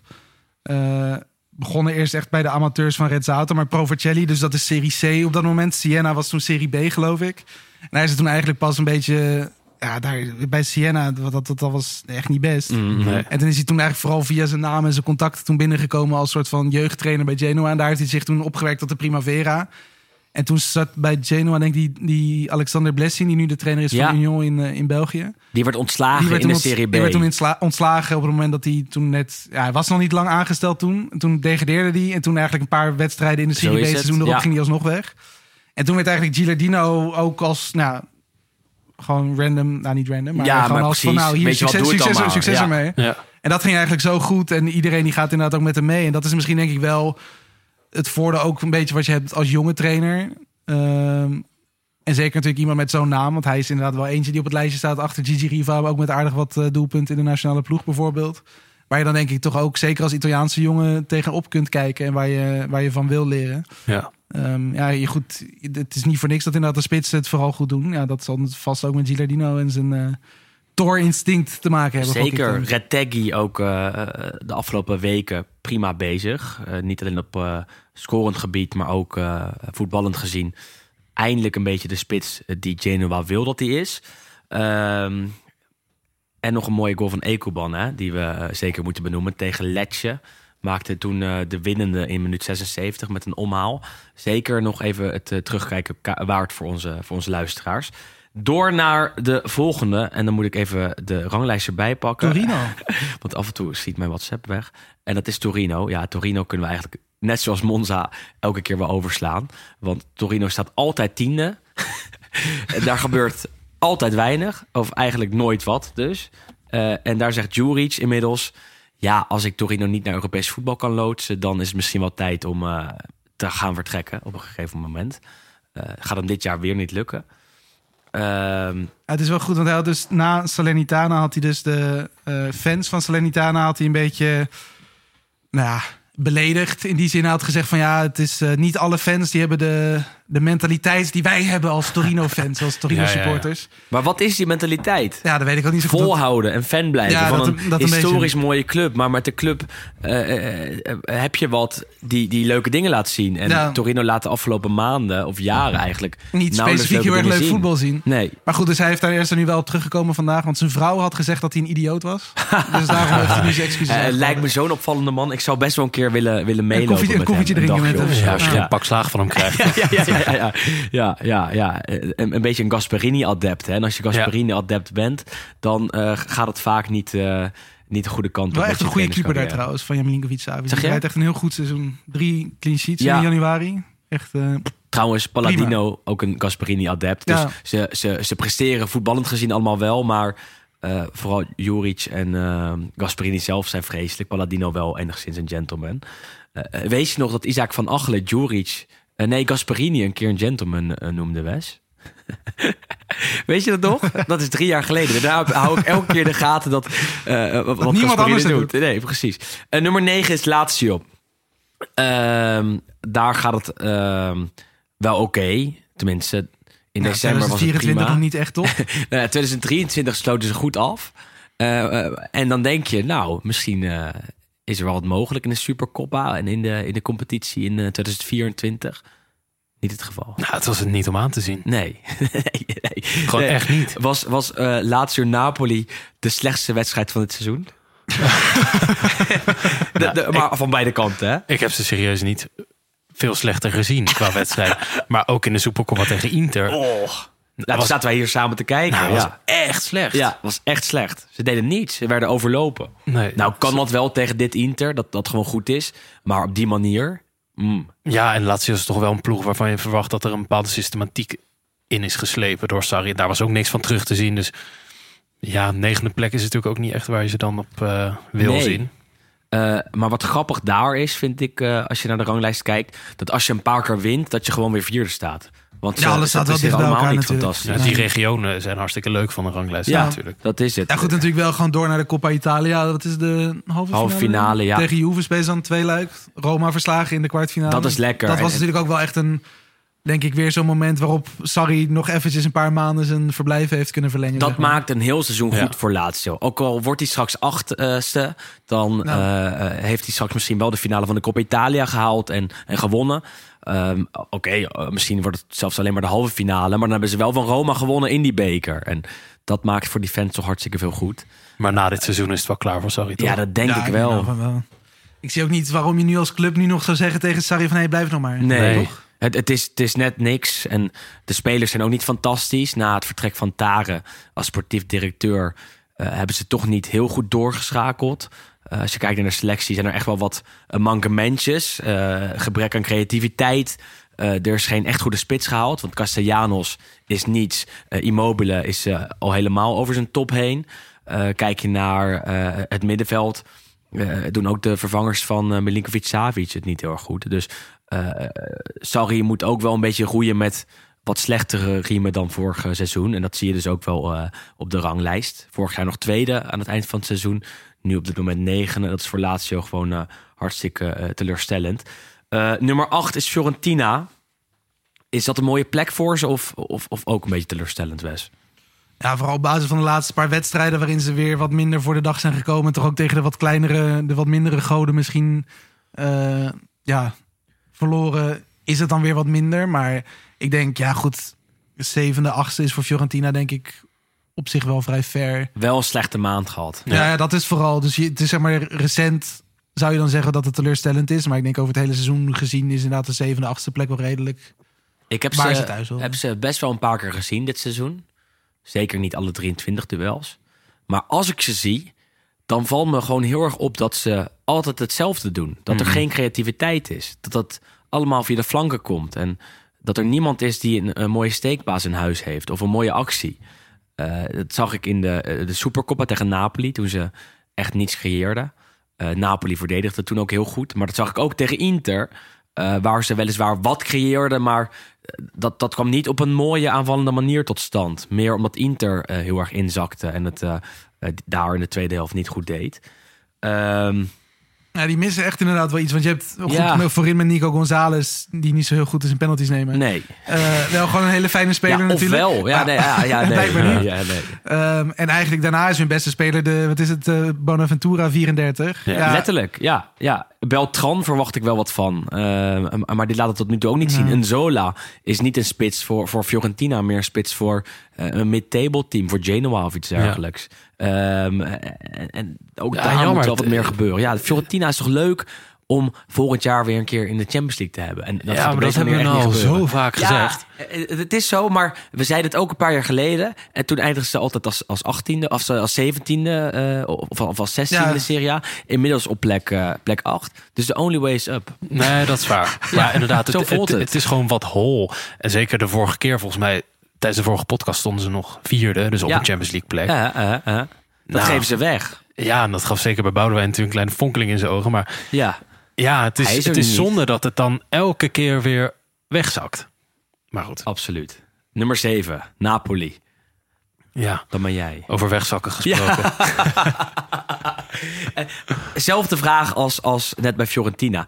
Kun je daar veel positieve dingen over zeggen? Of, of is het gewoon eh, heel matig allemaal dit seizoen? Het is heel matig. Het is eh, ja, heel mager, heel matig. En eh, het, het lijkt wel een beetje erop alsof zeg maar, eh, de bodem in zicht is geweest. En dat het niet veel slechter gaat worden dan wat we hebben gezien. Maar ja, op basis van vorig seizoen is het natuurlijk ongelooflijk hoe ze nu presteren of niet presteren eigenlijk. Van het Mazzari kan je ook niet veel positief zeggen. Eh, die probeerde het met een 4-3-3. Die heeft eh, een aantal wedstrijden deze maand noodgedwongen naar een 3-5-2 eh, moeten overstappen. Ja. Natuurlijk ook wel Ozyman ontbreekt en Anguissa ontbreekt. Maar ja, het, het is niet meer om aan te gluren eigenlijk. Eh, Zeker als je het eh, naast vorig jaar legt. Ze hebben wel wat versterkingen geprobeerd te halen deze, deze winter. Nou ja, best gehaald ook zelfs. toch? ja, zeker. Ja. Eh, maar Nee, word je er niet enthousiast van? Van een uh, Ngonge, van een uh, Mazzocchi, van een uh, Traoré, Den Donker? Dat zijn ze Mm. allemaal. Ja, het zijn niet spectaculaire Nee, namen, denk nee. ik. Maar goed, ja, op zich wel. Het is, het is denk ik wel iets dat Napoli nodig had... om even iets meer diepte in die selectie te krijgen. Maar Ja, het is wel genoeg voor Napoli, zeg maar. Alleen ja, wat, wat jij zegt is gewoon, denk ik, vooral. Kijk, als dit een gewoon seizoen was geweest en we hadden ver- vergeten vorig seizoen even, dan zou je zeggen van ja, goed, ja, het kan echt wel iets beter, maar ja, het valt wel mee. Maar het is gewoon gewoon het onderscheid wat je dan hebt natuurlijk met vorig seizoen zo overtuigend en een duidelijke speelstijl en iedereen overrompelen en met overmacht kampioen worden. Ja, dus maar- vooral dat dat natuurlijk ook nu opeens het verschil tussen die twee dingen zo gigantisch is, terwijl er praktisch gezien van de kern heel weinig is veranderd. ja, ja. Maar de trainer is weg en je Ja. zit nu aan trainer nummer twee en dat is het ook niet. nee. Wat is het grootste verlies van, uh, van Napoli? Is dat Ja, Giuntoli? Is dat Spalletti? Of is dat Kim? Spalletti. Ik zou niet Kim in ieder geval Mhm. zeggen. Want ja, dat is gewoon een van de pionnetjes. En die zou je moeten kunnen vervangen op, op een zekere manier. Wat niet echt gedaan is. Maar je ziet eh, vooral in de feeling met... eh, zeg maar, die Spalletti had met zowel de Laurentiis... als met de fans, als met de spelers, als met de speelstijl... Ja, dat, dat hadden zowel Garcia en, en Mazzari, dat, die hebben dat allebei niet. Dus ja, daar zit denk ik wel het grootste manco. Het is hoor. toch gek dat Matsari dat niet heeft? Ehm, ja, kijk, hij is, het is een sympathieke trainer, maar het, het is gewoon echt by far niet van het niveau Nee. van Spalletti natuurlijk. Nee, nee. Dus, dus de warmte die wij eh, voelen hier bij Spalletti, die voelt men in Napels niet. Bij? Spalletti wel. Ik, ik wil echt Matsari een knuffel geven als hij hier voor mijn neus zou staan. Nou, ik denk dat de fans op zich, eh, zeg maar, de vinden, vinden het ook wel een leuke peer natuurlijk. Zeker op basis van zijn, eerste jaren in, eh, in Napels, waarbij die Napoli echt Liet sprankelen wel. liet sprankelen. De eerste was die weer Champions League met, Ja. eh, met Napoli. Dus Ik kijk, vind hem altijd een beetje kan zielig niet heel veel fout doen, maar eh, op basis van het spel kan dat natuurlijk Nee, Hij, en hij ziet er nu natuurlijk ook gewoon een beetje uit van... Ja, hij is gewoon een beetje ook... Hoe zeg je dat pas? Dit is... eh, Ja, ja, over top. expiration ja, toch? Ja, ja. want hij ziet er echt gewoon, wat je zegt, een beetje zielig. Maar het ziet er gewoon een beetje uit als een soort van peuter die zijn zin niet krijgt. Als hij dan Nee, zo op die bank zit eh, met zijn armpjes te bewegen, te Ik zwaaien. moest, die kop eh, zo helemaal rood. En, ja, Ik moest hard lachen bij, bij de Supercoppa. Want eh, Napoli haalde de finale. In de halve finale wonnen ze van eh, Fiorentina knap met 3-0. Zerbin, Zerbinho. Ja, die nu naar Monza is. Die nu naar. Monza is, inderdaad. Ehm, en toen in de finale tegen Inter kreeg eh, Simeone twee gele kaarten. Eh, de ene discutabel, de andere vond ik wel terecht. Eh, maakt niet uit. Eh, en eh Mazzarri voelde zich... Ja, jij lult er weer makkelijk overheen. hè? is toch weer makkelijker. Oh ja, oh, Inter, maakt. Maar Ja. Inter kreeg een, beslissingje mee. Nou, maakt niet uit, we gaan ik door. schil te veel in de microfoon, sorry. Ehm, ja, ja dat, hier gaan we nog meer over horen zo meteen. Maar goed, ik, ik dacht, ik, ik sta het nu even over. Kunnen we bij het interblokje inderdaad even ruim over de scheidsrechters praten, jongens? Wat jullie willen. Nee, dat is goed. Ehm, twee keer geel voor Simeone. Mazzarri voelde zich enorm bij de neus genomen. Eh, ging naar de bank. Hij was al helemaal een paar keer gek geworden. Eh, en toen schreeuwde hij ook, zoals in Peking, zoals in Peking. Ja. Zag je, eh, kon je liplezend bij hem zien. En toen heeft hij daarna ook vervolgens de prijsuitreiking ehm abandoned, niet, niet bijgewoond. En dat was ook zoals in Peking. Mhm. En als ik refereer aan Peking, is dat de Supercoppa van 2014 ongeveer, volgens Zoiets. mij. Tegen Napoli, Juventus. Juve, ja. Ja, Toen ja. hij zich ook bestolen voelde. Toen hij zich ook enorm bestolen voelde en, en Juve uiteindelijk won na verlenging. Ja. Eh, dus zijn, zijn, zijn herinnering aan het eh, moeilijk winnen van prijzen met Napoli, eh, die is heel erg levend en, en nog meer levend dan, dan, dan, dan, dan, dan hij was. Ja, dat is zo. Kijk, en ik, ik snap hè, dat je dat vanuit een sentiment dan roept. Ja. Maar Maar dat leefde niet bij jou of bij de Napoli supporters. nee, en meer bij Spalletti hemzelf. had zoiets nooit geroepen. Ik, eh, daaraan zie je dat Mazzari eigenlijk een, meer een trainer is voor een kleine club. Want het echt small club mentality Ja. vind ik. Dat je dat dan gaat roepen. voor tien jaar Jezus. geleden. Ja. Ja. Ja, en ja, dat is ook denk ik niet wat Napoli wil uitdragen. Want eh, ja, de afgelopen, het afgelopen decennium is het eigenlijk de enige uitdager van Juve geweest. Die een beetje in de buurt kwam van het Scudetto. De enige constante uitdager. Ja. Ja. en dan zie je dat het nu gewoon wel heel ver is weggezakt. En dat is echt jammer. Dat is En, jammer. eh, En, die rol van uitdager van Juve, eh, die is de komende jaren weggelegd voor Inter, denk ik. Nee, maar dat denk ik Hoe is het de uitdager van Juve? Of Juve is Juve al vijf van jaar kampioen geworden Nee, straks. maar, maar Juve is natuurlijk de enige club in Italië die structureel top is. Behalve de afgelopen jaren. Ja, Toch? Ja, ja maar je snapt wat ik bedoel. Als in, eh, eh, eh, Juve komt altijd terug. ja Juve maar dus is in dan, is principe toch, dan staan ze toch niet bovenaan? Ik bedoel, Nee, vorig, seizoen was Juve- Napoli veel beter. Dit seizoen is Inter veel beter. Het jaar daarvoor was Milan Precies, veel beter. misschien zeg ik het verkeerd. Als je, als je kijkt naar de constante toplijn, is de lijn van Juve het meest constant top. Als je kijkt naar waar Milan en waar, waar. Inter zijn geweest, de afgelopen, nou ja, tot aan 2018, dat Nou. is echt dieper dan waar Juve Ja, ja, natuurlijk. ooit Ja, dit zal dat wel, vallen. maar... En eh, als je staat waar eh, Napoli nu staat, of Nou. waar Roma vandaan komt, is dat verder dan waar Juve ooit gaat vallen, denk ik. Eh, zo bedoel ik het. Als, als, als constante uitdager. oké. Misschien zeg ik het verkeerd, maar... Ja. Nou, maar goed. Maar goed. Napoli. Deze nuance was ook, even iets deze nuance, verbeterd. ja. Ehm, vraag van Laurens Nizet is... welke coach gaat Napoli weer laten sprankelen? Ja, dat vind ik echt een hele goede vraag. Ik, eh, ik zou het niet weten. Kijk, je ziet wel volgens mij dat.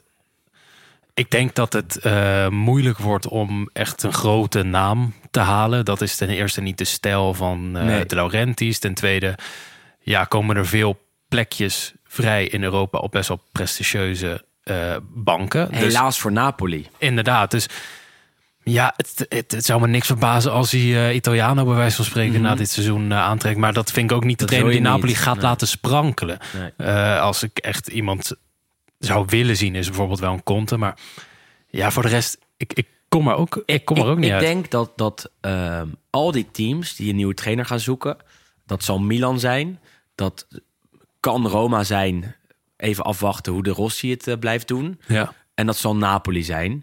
Al die drie teams zullen om de handtekening van Conte vechten. Ja, Ehm, klopt. en maar dat wordt ook al moeilijk. al die drie teams zullen ook altijd een wagonnetje achter eh, een eh, Ja, Dortmund Barcelona of een en, eh, Barcelona of een Arsenal. Ik denk wel dat die teams, Liverpool. die teams zijn best wel huiverig voor Conte. Denk ik. En, en Conte misschien andersom ook. Die zou Ja, misschien eerder denk- weer even Ja, ik denk sowieso dat Italië. komt in Italië gaat Ja, dat denk ik ook. Maar Dat denk ik ook. Kijk, Nee, Napoli is natuurlijk ook best wel een lastige ploeg. Want hier, kijk, normaal gesproken zou je zeggen... Italiaan is een slimme aanstelling. Want het is een, een, een goede tactisch onderlegde trainer. Jong, innovatief. Maar ja, goed, het probleem bij Napoli is dus dat je gewoon over het algemeen niet heel veel tijd krijgt. Nee. Dus je zou eigenlijk zeggen, daar moet je een soort short-term manager neerzetten. Dan denk je inderdaad eerder aan een Conte of aan een ja, Mourinho misschien zelfs. Ja, maar, Maar goed, ja, sprankelen, dat en- is dan sowieso denk ik heel lastig. Over Italiano moet ik ook zeggen dat die me wel teleurstelt Dat eh, vind dit jaar. Dit ja, maar kijk, stel, hè, stel je zou een Thiago Motta bijvoorbeeld willen. Ja. Ja, ik, ik denk niet dat hij zomaar ook in Napoli zou stappen. Ik denk dat hij misschien wel naar Barcelona gaat of naar een Maar andere voor hem geldt hetzelfde. Hij kan naar Napoli, hij kan misschien naar Roma, hij Ja. kan misschien naar Milan. Ja. Eh, dan moet je als club met een heel goed plan komen eh, Nou. om iemand aan te stellen. Het wordt heel interessant aankomende zomer. Ja, we gaan het want, zien. want, want ik denk dat Pioli ook over zijn houdbaarheidsdatum is. En eh, eh, bij, Roma eh, zie ik ze wel aan eh, om, eh, om, om de Rossi straks definitief aan te stellen. Maar dat is ook maar de vraag of dat, Ja. of dat gaat werken. Ehm, door naar nummer 6, jongens, want eh, we moeten toch door. Thiago Motta. Thiago Motta en Bologna. Nummer 6. Alsnog hartstikke goed natuurlijk. Eh, eind december dacht ik, nou ja, misschien gaat het echt gebeuren. Champions League in het eh, Dal Ara. Ehm, die ambitie is er denk ik nog steeds wel eh, bij Bologna. Alleen moesten ze in januari een beetje een pas op de plaats maken. Sterker nog, dat deden ze eind december al toen ze verloren van Udinese met 3-0. En daarna eh, twee keer gelijk gespeeld. Eh, ook een keer verloren van Cagliari. Eh, totdat ze afgelopen weekend weer wonnen van eh, Sassuolo. Eh, wie doet dat niet meer? Eh, want eh, met 4-2 van Sassuolo gewonnen. Eh, wat Ja, is de max toch wel steeds goed? Zeker, ja. Dus dat is positief. Ja. Ja. Voor Koeman misschien ook. Nou ja, die zei er wat eh, over Nou. afgelopen zondag. Eh, dat, dat hij wel echt kijkt naar Zirkzee. En ik vond dat hij wel gelijk eh, had. Die zei ja, dat Zirkzee af en toe wel ontbreekt eh, op de plekken waar hij moet zijn. Zeg maar. Ja. Hij, hij, hij is eh, meer een negen en een half. Ja, dus ook natuurlijk zeker niet een spits. En ook qua manier van spelen is het veel meer een... Hij is eigenlijk veel te technisch voor een Ja. spits eigenlijk in die zin. Exact. Ehm, wat is de max voor dit Bologna? Ik denk wel ongeveer waar ze nu staan. Ja. Ja. Plek 6, hè? ja. Ja, wel Ja, zo meedoen ja. Europa League, Conference League. Ja, denk dat is ik toch prima? ja, dat zou natuurlijk- hartstikke leuk zijn. Ja. U- überhaupt Europees voetbal daar in dat Ja. stadion is, is fantastisch. kijk, en ze hebben natuurlijk wel prima spelers. Maar ik denk dat als Thiago Motta weg is, dan zou je ook weer zien dat het een stuk lastiger wordt voor Bologna om dit vast te houden. Al hebben ze nog steeds dan die sportief directeur Sartori, die het overal goed heeft gedaan. En ook bij Atalanta en bij Chievo liet zien dat hij eh, creatief te werk kan gaan. En dat ook afgelopen eh, winter weer deed in de eh, transfer eh, winter. Want eh, haalde een spits uit Argentinië. Castro schijnt heel goed te zijn. En haalde Utkaart van eh AZ. Schijnt iets minder goed te zijn.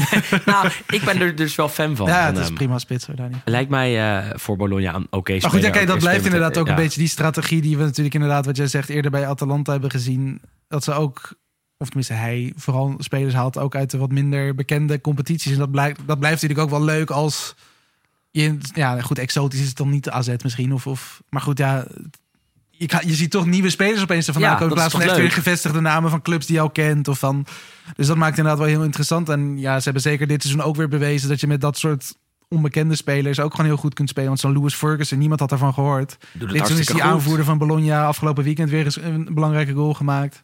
Dus daar zit echt wel een heel goed, eh, goed idee achter. Maar En Zirkzee Ja, kijk, is voor ook Champions een, een League, typische naam. Nee, dat is echt nog wel een, een stapje te ver. Dan moet je echt dit gewoon... Kijk, je kunt echt een beetje denk ik vergelijken met een het, het pad wat Atalanta heeft afgelegd. Ja, Die hebben natuurlijk ook een paar seizoenen eerst een beetje Europa League, Conference League gespeeld. Nou, de Conference maar is het blijvend?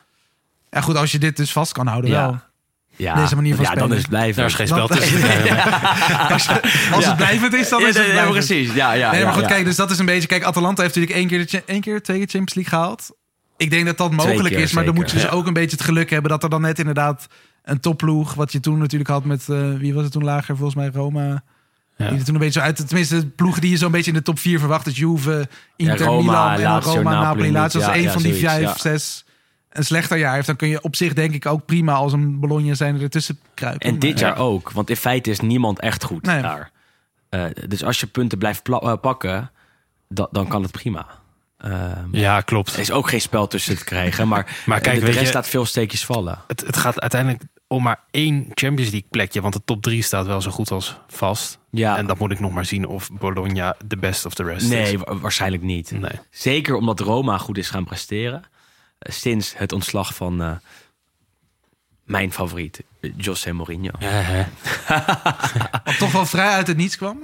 Zeker, kwam eh, zeker uit het niets. Eh, na een reeks eh, slechte resultaten. Eigenlijk een, een paar maanden al slechte resultaten behaald. Uiteindelijk was de nederlaag bij eh, Milan eh, de druppel. Een 3-1 daar. Een paar dagen daarvoor uitgeschakeld in de Coppa Italia tegen Lazio. Ehm, vonden jullie zijn ontslag terecht? Nou ja, ik vind het wel terecht. Maar ik had eigenlijk niet verwacht dat het nu al zou gebeuren. Ik dacht dat hij wel het seizoen op de een Ja, of andere manier ik af ook, zou ja. maken. En Mourinho is volgens mij ook niet heel vaak tussentijds echt ergens vertrokken. Over het algemeen gaat Bij zijn? Meest, meestal gaat zijn derde seizoen gaat dan vaak het slechtst. Dat is eigenlijk bij al die ploegen wel een beetje geweest. En dan was het ja. Bij dan, Tottenham is hij ook ontslagen. Ja, toen is hij, ja, Ja, wel bij meer ja, gevoels- clubs hoor, dacht ja, ik. ja, gevoelsmatig is Ja. niet specifiek iemand die halverwege seizoenen instapt of vertrekt. Maar Nee. goed, ja, dat moeten we even terugzoeken. Ja, Maar het was vooral, denk ik, ja, je, je zag het wel aankomen. Ook gewoon vanwege die hele opgefokte sfeer. Het, het stond echt gewoon een beetje op knappen gevoelsmatig. En natuurlijk slechte resultaten. En dan iedere keer die kaarten voor Mourinho en zijn staf. En dan iedere keer alle, ging alle echt niet heisa in de media. En je merkte echt dat er een soort van... Het voelde als een, als een dikke puis die gewoon echt... Er moest nog één iets gebeuren. En het hele ding dat knalde, knalde uit echt een elkaar. vieze steenpuis. En dan knalde hij uit elkaar met allemaal bloed en pus. Ja. En goed, die vieze steenpuis Ja, ja, ja, ja, dat- is dus ja. ontslagen. Dat is het, ja. Waar telkens meer pus uitkwam. En dat waren Ja. alle gele rode kaarten en alle uh, is foto ook. die werd weggestuurd. ja, nee, maar wel echt. Want, want je zag die wedstrijden en ook eh, tegen Lazio weer in de, in de Coppa Italia. Waarbij het echt schofterig was wat er allemaal gebeurde. Eh, hoe, hoe ze om de scheidsrechter heen staan. Hoeveel geel ze pakken. Hoeveel eh, eh, spelers denken te kunnen maken. Met Mancini die weer naar de scheidsrechter toe ging. Met Mourinho die weer niet toegeeft dat het een pingel was. Eh, en, en dan denk je, jeetje, ik zie elke week hetzelfde. Het is elke keer een herhaling van zetten. Elke keer winnen ze niet. En elke keer is het niet de schuld van Roma of van de spelers... maar van de scheidsrechter en van de situatie op het veld. En eh, dat gebeurde Mourinho te vaak het afgelopen half jaar. En eigenlijk te vaak in zijn 2,5 jaar bij Roma aan zich. Eh, Ja, maar vooral ook natuurlijk omdat hij het, hij creëerde het zelf. Het is, niet, het is niet dat het hem overkwam. Hij heeft zelf niet. deze hele Precies. sfeer soort van gecreëerd en het tot dit gebracht. Zeker. En ja, En, en ondanks eh, het winnen van de Conference League en het halen van de Europa League finale, eh, die ze hebben gewonnen volgens hem, ehm, is zijn tijd bij Roma vooral gekenmerkt door relletjes en door irritaties, door gele kaarten, door eh, schandalige gedragingen van spelers en staf. En dat is toch jammer.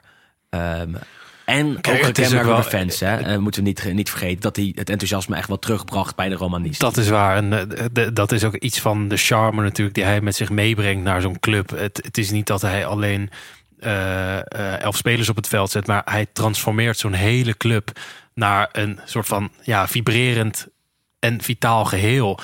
Maar op een gegeven moment is het echt wel klaar met dat gedoe. Want dan, het, is echt ja, pijnlijk om naar te kijken soms. eh, Dat het altijd aan iemand anders ligt. En altijd springt die hele staf op het veld. En ja, dat houdt wel een keer op. En dan wordt de Rossi dus aangesteld als zijn opvolger nog op dezelfde dag. Is dat dan een juiste keus voor jullie? Nou, op basis van de eerste drie wedstrijden wel. Ja, oké, maar ja, ja, ja, ja. eigenlijk niet natuurlijk. Want hij heeft volgens mij in zijn eerdere trainersloopbaan nog niet echt bewezen een eh, heel groot nee, hij heeft nog niet eh, heel talent veel gedaan. Natuurlijk bij Spal eventjes gezeten, maar dat Snel was niet heel, erg, eh, niet heel erg succesvol. Had toen wel Nainggolan naar Ferrara gepraat en drie weken later was hij zelf weg, geloof ik. Ja, Ja, goed, kijk, ik denk Roma is wel bij uitstek ook. Daarom werkte denk ik Mourinho zeker in het begin natuurlijk heel goed. Dat hij echt dat publiek weer met zich meekreeg. En iedereen echt voor Roma heeft laten juichen. En dat het hele stadion gewoon week in week uit volledig vol zat.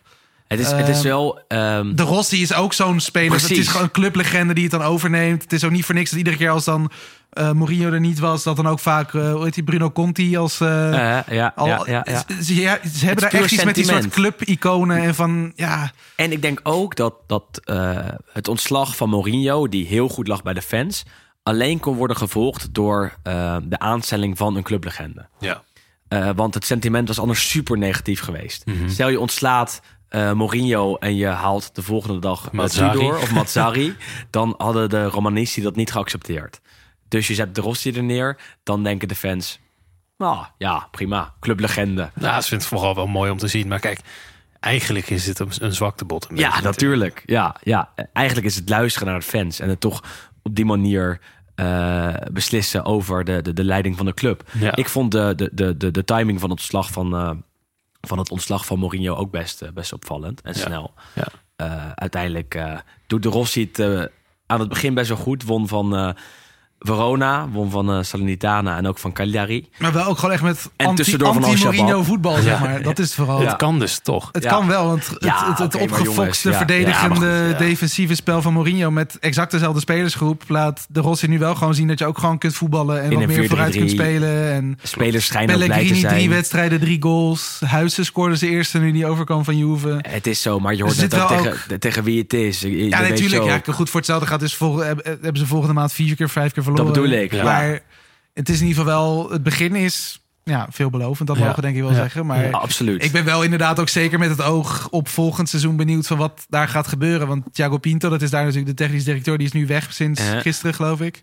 Eh, wat natuurlijk ook weer een plek is die moet worden ingevuld. Waarschijnlijk wordt dat nu die van Monza, François Modesto, oudspeler van Monaco en Cagliari. Ook interessant. Ook, maar- maar, goed, dus dat is ook weer een soort van wat brengt die dan weer met zich Ah, mee? ah. Gaat dan misschien Palladino van Monza naar Rome? Wat ook een optie zou dat kunnen zou zijn. dus prima kunnen.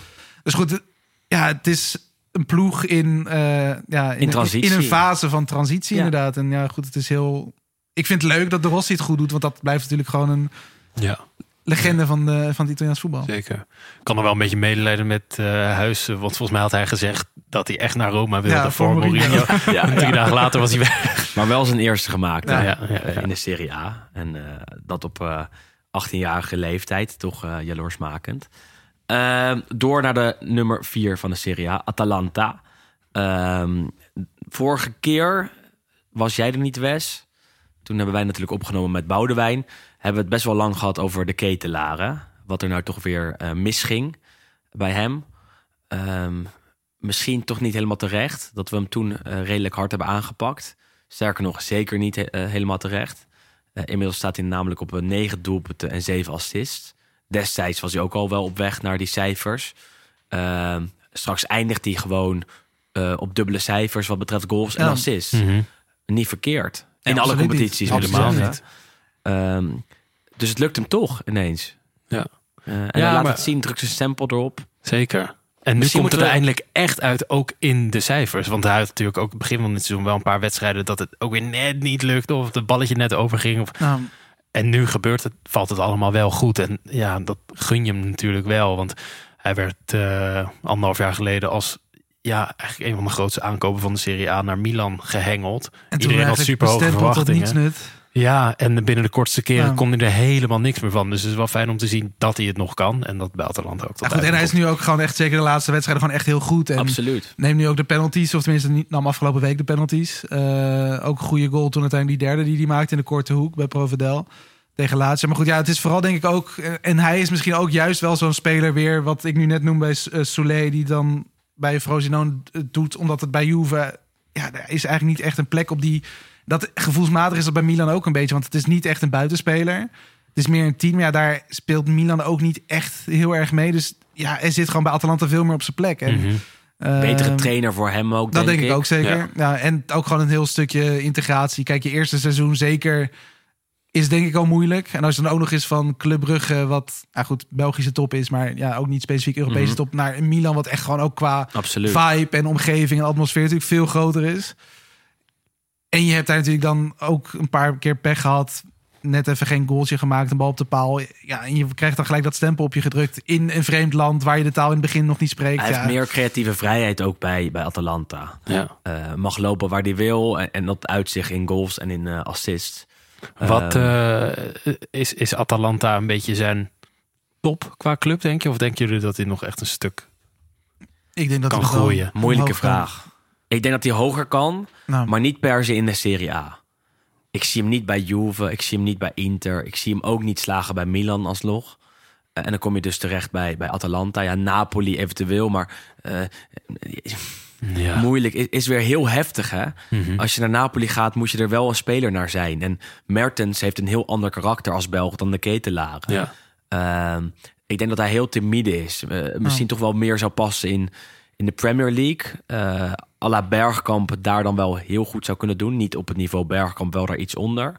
Eh, maar in de Serie A zie ik hem niet hoger eindigen dan Atalanta. Eh, ja, misschien een beetje op zijn Kevin de Bruyne natuurlijk. Hè, dat die, eh, goed, die heeft natuurlijk ook even een uitstapje gemaakt richting Wolfsburg onder meer. Of Dortmund, zoiets Ja. zou, zou hartstikke mooi zijn voor de ketelaren.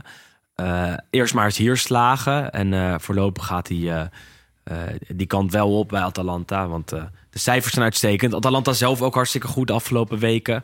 Eh, net zoals Lazio naar de halve finale van de Coppa Italia. Wonnen bij Milan. Eh, en in die halve finale gaan ze spelen tegen Fiorentina. Dus zeker kans op eh, zilverwerk. Het eerste zilverwerk eh, in de tijd bij Gasperini zou een absolute bekroning zijn voor zijn tijd bij de club, die heel succesvol is. Zoals met de kwalificatie voor de Champions League, met de prestaties in de competitie, met het aanvallende voetbal. En dat uitzicht nu ook weer in de resultaten van dit seizoen. Want Atalanta hard op weg om lang mee te doen in, in de strijd om plek 4. Ehm, en afgelopen maand, eh, als ik het goed zeg, niet verloren. Nee. Niet, eh, niet verkeerd, jongens.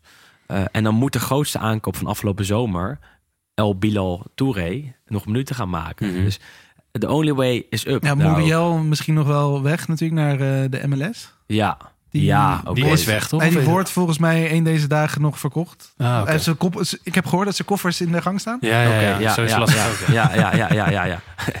Heeft de koffers klaar, zeggen ze altijd in het Italiaans. Nou ja, Eh, Mitchell prima, Bakker toch? wel gebleven trouwens. Eh, die kon ook weg. Maakt daar nauwelijks minuten. Uiteindelijk toch nog actief bij, eh, bij Atalanta.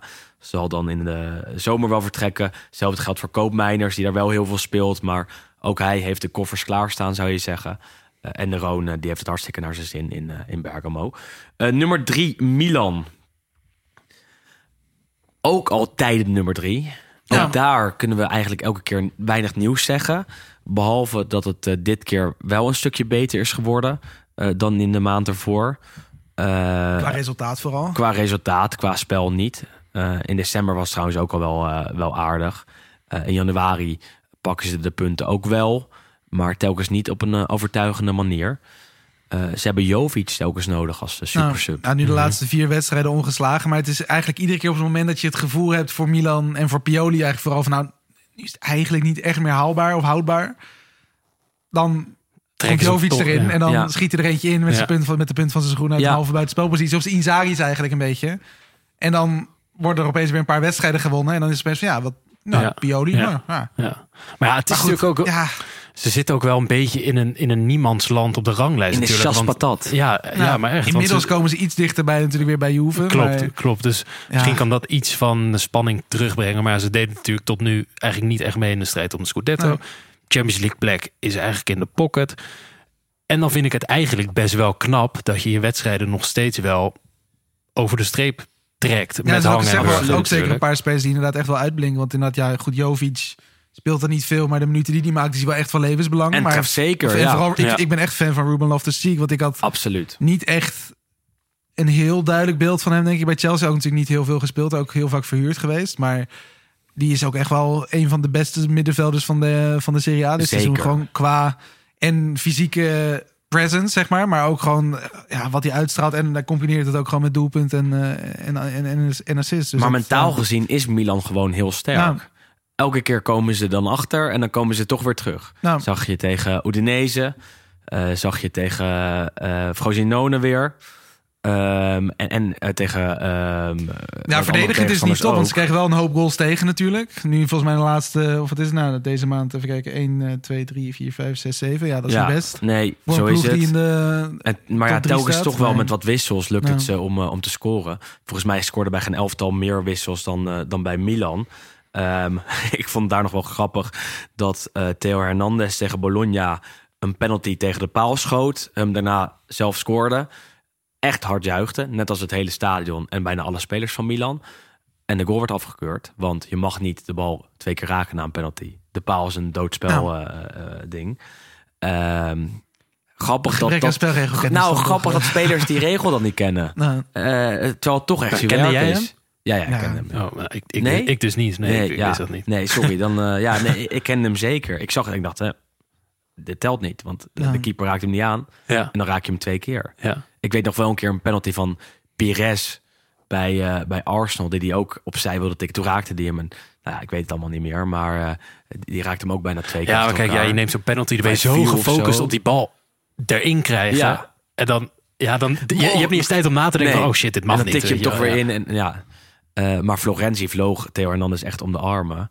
En eh, eh, nou ja, die, die kennen de regels dus ook niet. Nummer twee, jongens. Want Milan, daar hebben we nu al alles over gezegd. Juve. Juve. Ja. ja, prima maand, denk ik, afgelopen. Afgezien van de laatste wedstrijd Maar natuurlijk. kan je zeggen dat het een prima maand is als je gelijk speelt tegen Empoli en als je verliest van Inter? Nou goed, dat zijn dus in, wat ik zeg, de laatste twee wedstrijden. Ja, oh, sorry. Eh, ja. Nou goed, kijk, ik denk dat Ik sowieso wel... reden te snel. Ja, kijk, je denkt sowieso, want dat hoorde ik je net natuurlijk een beetje zeggen. eh, er moet wel een klein beetje context, denk ik, zitten op wat Juve dit seizoen doet. Eén, omdat ze natuurlijk het voordeel hebben dat ze geen Europees voetbal spelen. Dus dat er sowieso wat meer eh, Ademruimte. is. ademruimte is, zeg maar, en wat meer voorbereidingstijd. Wat denk ik ook gewoon echt wel duidelijk in het voordeel heeft gespeeld tot nu toe. Zeker in een tactische competitie als Ja, Serie A. zeker.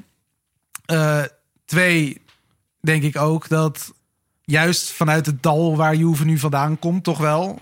Afgelopen seizoen natuurlijk vooral door de puntenstraf, maar de jaren twee, drie jaar daarvoor ook gewoon omdat het spel echt verschrikkelijk slecht was en resultaten ook niet echt kwamen. Dat iedere keer net aan vierde was bijvoorbeeld.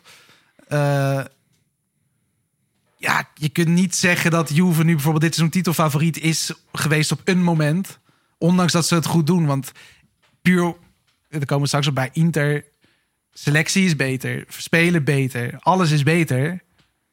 En Maar je kan niet zeggen dat Juve Ze doen goed mee. strijdt voor een plek in de top 4.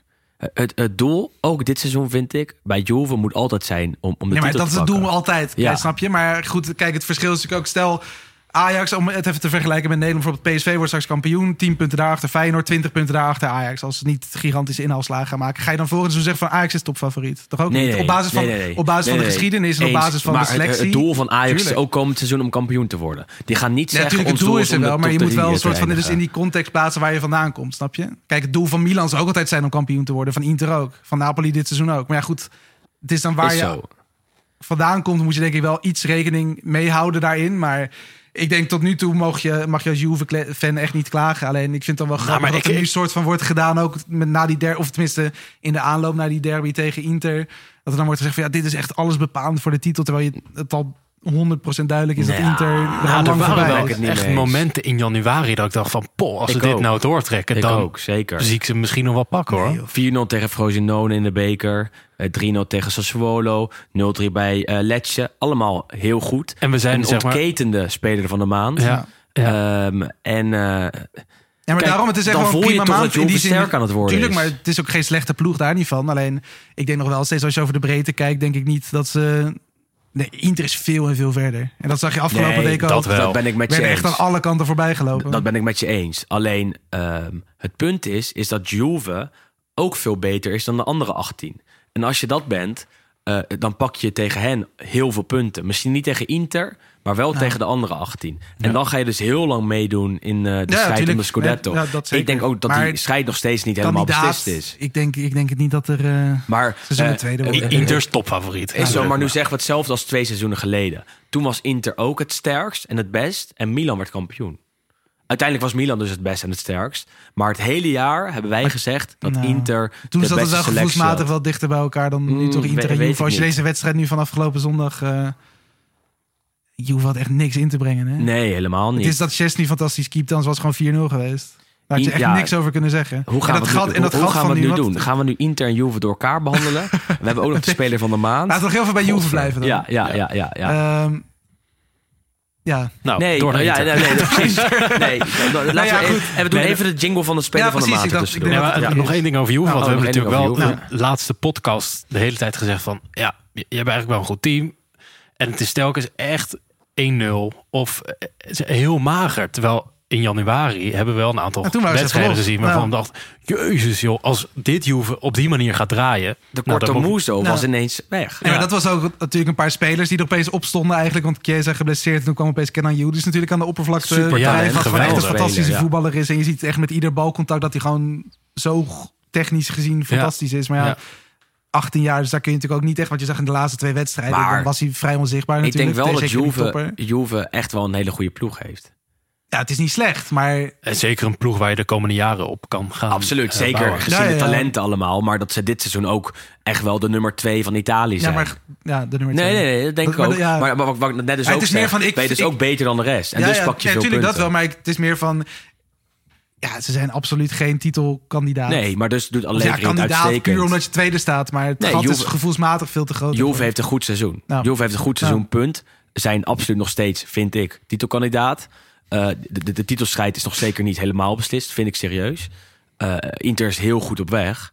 Eh, alleen is Juve veel beter dan de rest ook, vind ik. Dat zie je eigenlijk elke week. Mede dankzij een goede spits. Mede dankzij een goede spits, die onze speler van de maand is. Il giocatore del mese.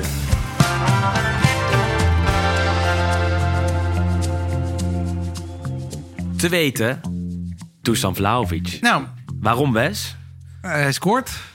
Goed, hij, Aan de heeft, lopende eh, band. hij scoort nu redelijk, eh, redelijk aan de lopende band. Ja, helaas dan de laatste wedstrijd tegen Inter. Dat, hij heeft één kans gehad en dan neemt die bal volledig verkeerd aan. En vervolgens zie je hem de rest van de wedstrijd niet meer. Behalve dat hij een beetje aan het drieën trekken is. Scoorde nog nooit in San Siro. Scoorde nog nooit in San. Siro. Ja. Ja. hij, is nu, hij is nog steeds volgens mij dat record had hij al een tijdje. De speler met de meeste Serie A goals zonder ooit in San Siro Absoluut. gescoord te hebben. Volgens mij 73 volgens mij. inderdaad, Ja, ja.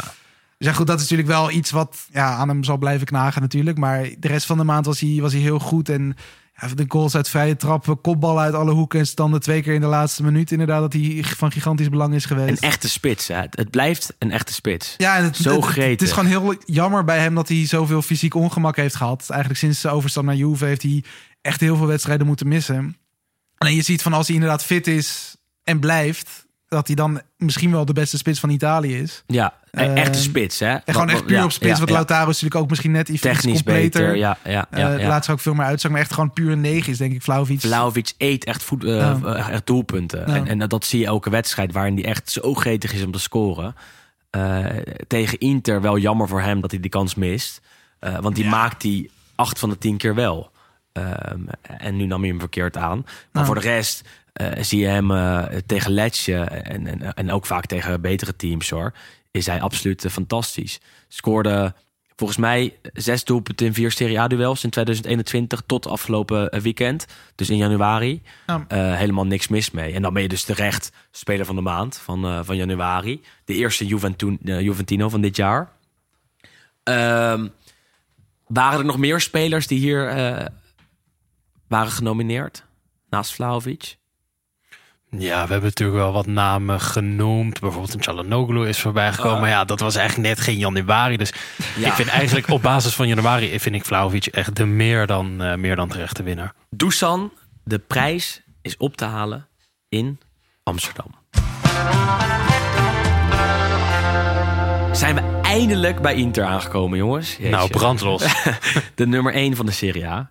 Ehm, ja, het is gewoon hartstikke goed. Het is echt goed. Het is echt goed. Ik kijk eh, naar Inter en dat heb ik deze eh, jaargang van de podcast vaker gezegd. Eh, en ik geniet heel erg en, en meer dan... maar ik denk ook Dan als niet ooit als Inter-fan kun je ook genieten van dit Inter. Want, Ja, het is, het is echt goed. En, Het is echt en, afgelopen zondag tegen Juve was wat dat betreft de kers op de taart, denk ik. Ehm, ja, niet in uitslag, maar wel qua qua spel. volledige overpowering. Dan ga je de spelers langs en dan zie je dat Sommer eigenlijk niets te doen heeft gehad. Zie je in de verdediging dat eh Pavard super was.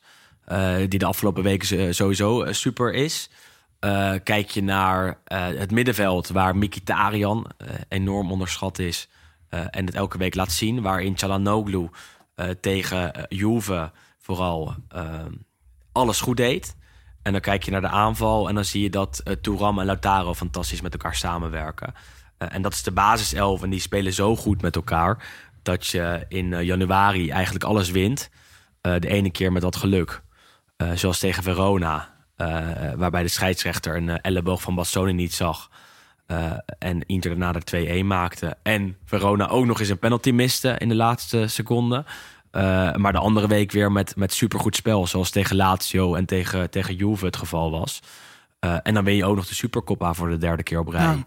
Ehm, en, en dan kan je dus zeggen, en wat jij ook eh, terecht zegt... dat Inter het beste is van allemaal. Ja, ik, ik denk vooral, ja, in ieder geval op de afgelopen wedstrijd tegen Juve, inderdaad die 1-0 vertekent heel erg dat het verschil klein is. Maar Ja. het verschil was daar gigantisch. Was Het- het- gigantisch. Het, gaatje wat je hebt in de competitie, wat nu vier is, met nog een wedstrijd te goed, eigenlijk ook veel te klein. Ja, Het was, ja... nou, kijk, Oh, ja. precies. eh, omdat het spel... eh, de- Ja, de- en ook de- gewoon een beetje wat ernaast zit. Hè? Want ik bedoel, we hebben het net voor de grap even voordat we gingen zitten over de Marotta League gehad. Het is ook gewoon heel veel in de media gegaan over voordeeltjes die Inter krijgt. Ja, dat eh, werpt ook een soort van schaduw over hoe, hoe fantastisch ze gewoon zijn. Ja. Want al die wedstrijden, ze ook zonder die dingetjes waarschijnlijk ook wel gewonnen.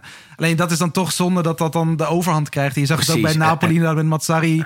En waar ook dan inderdaad opeens fans ja, tegen Inter zich keren, zeg maar. Ehm, ja dat het- is gewoon heel is zonde, maar gewoon- het is ja, Ze, ze hebben zeker ze wat geluk gehad. Ook af en toe wat pech met de scheidsrechter. Dit jaar wat meer geluk dan normaal en dan anderen.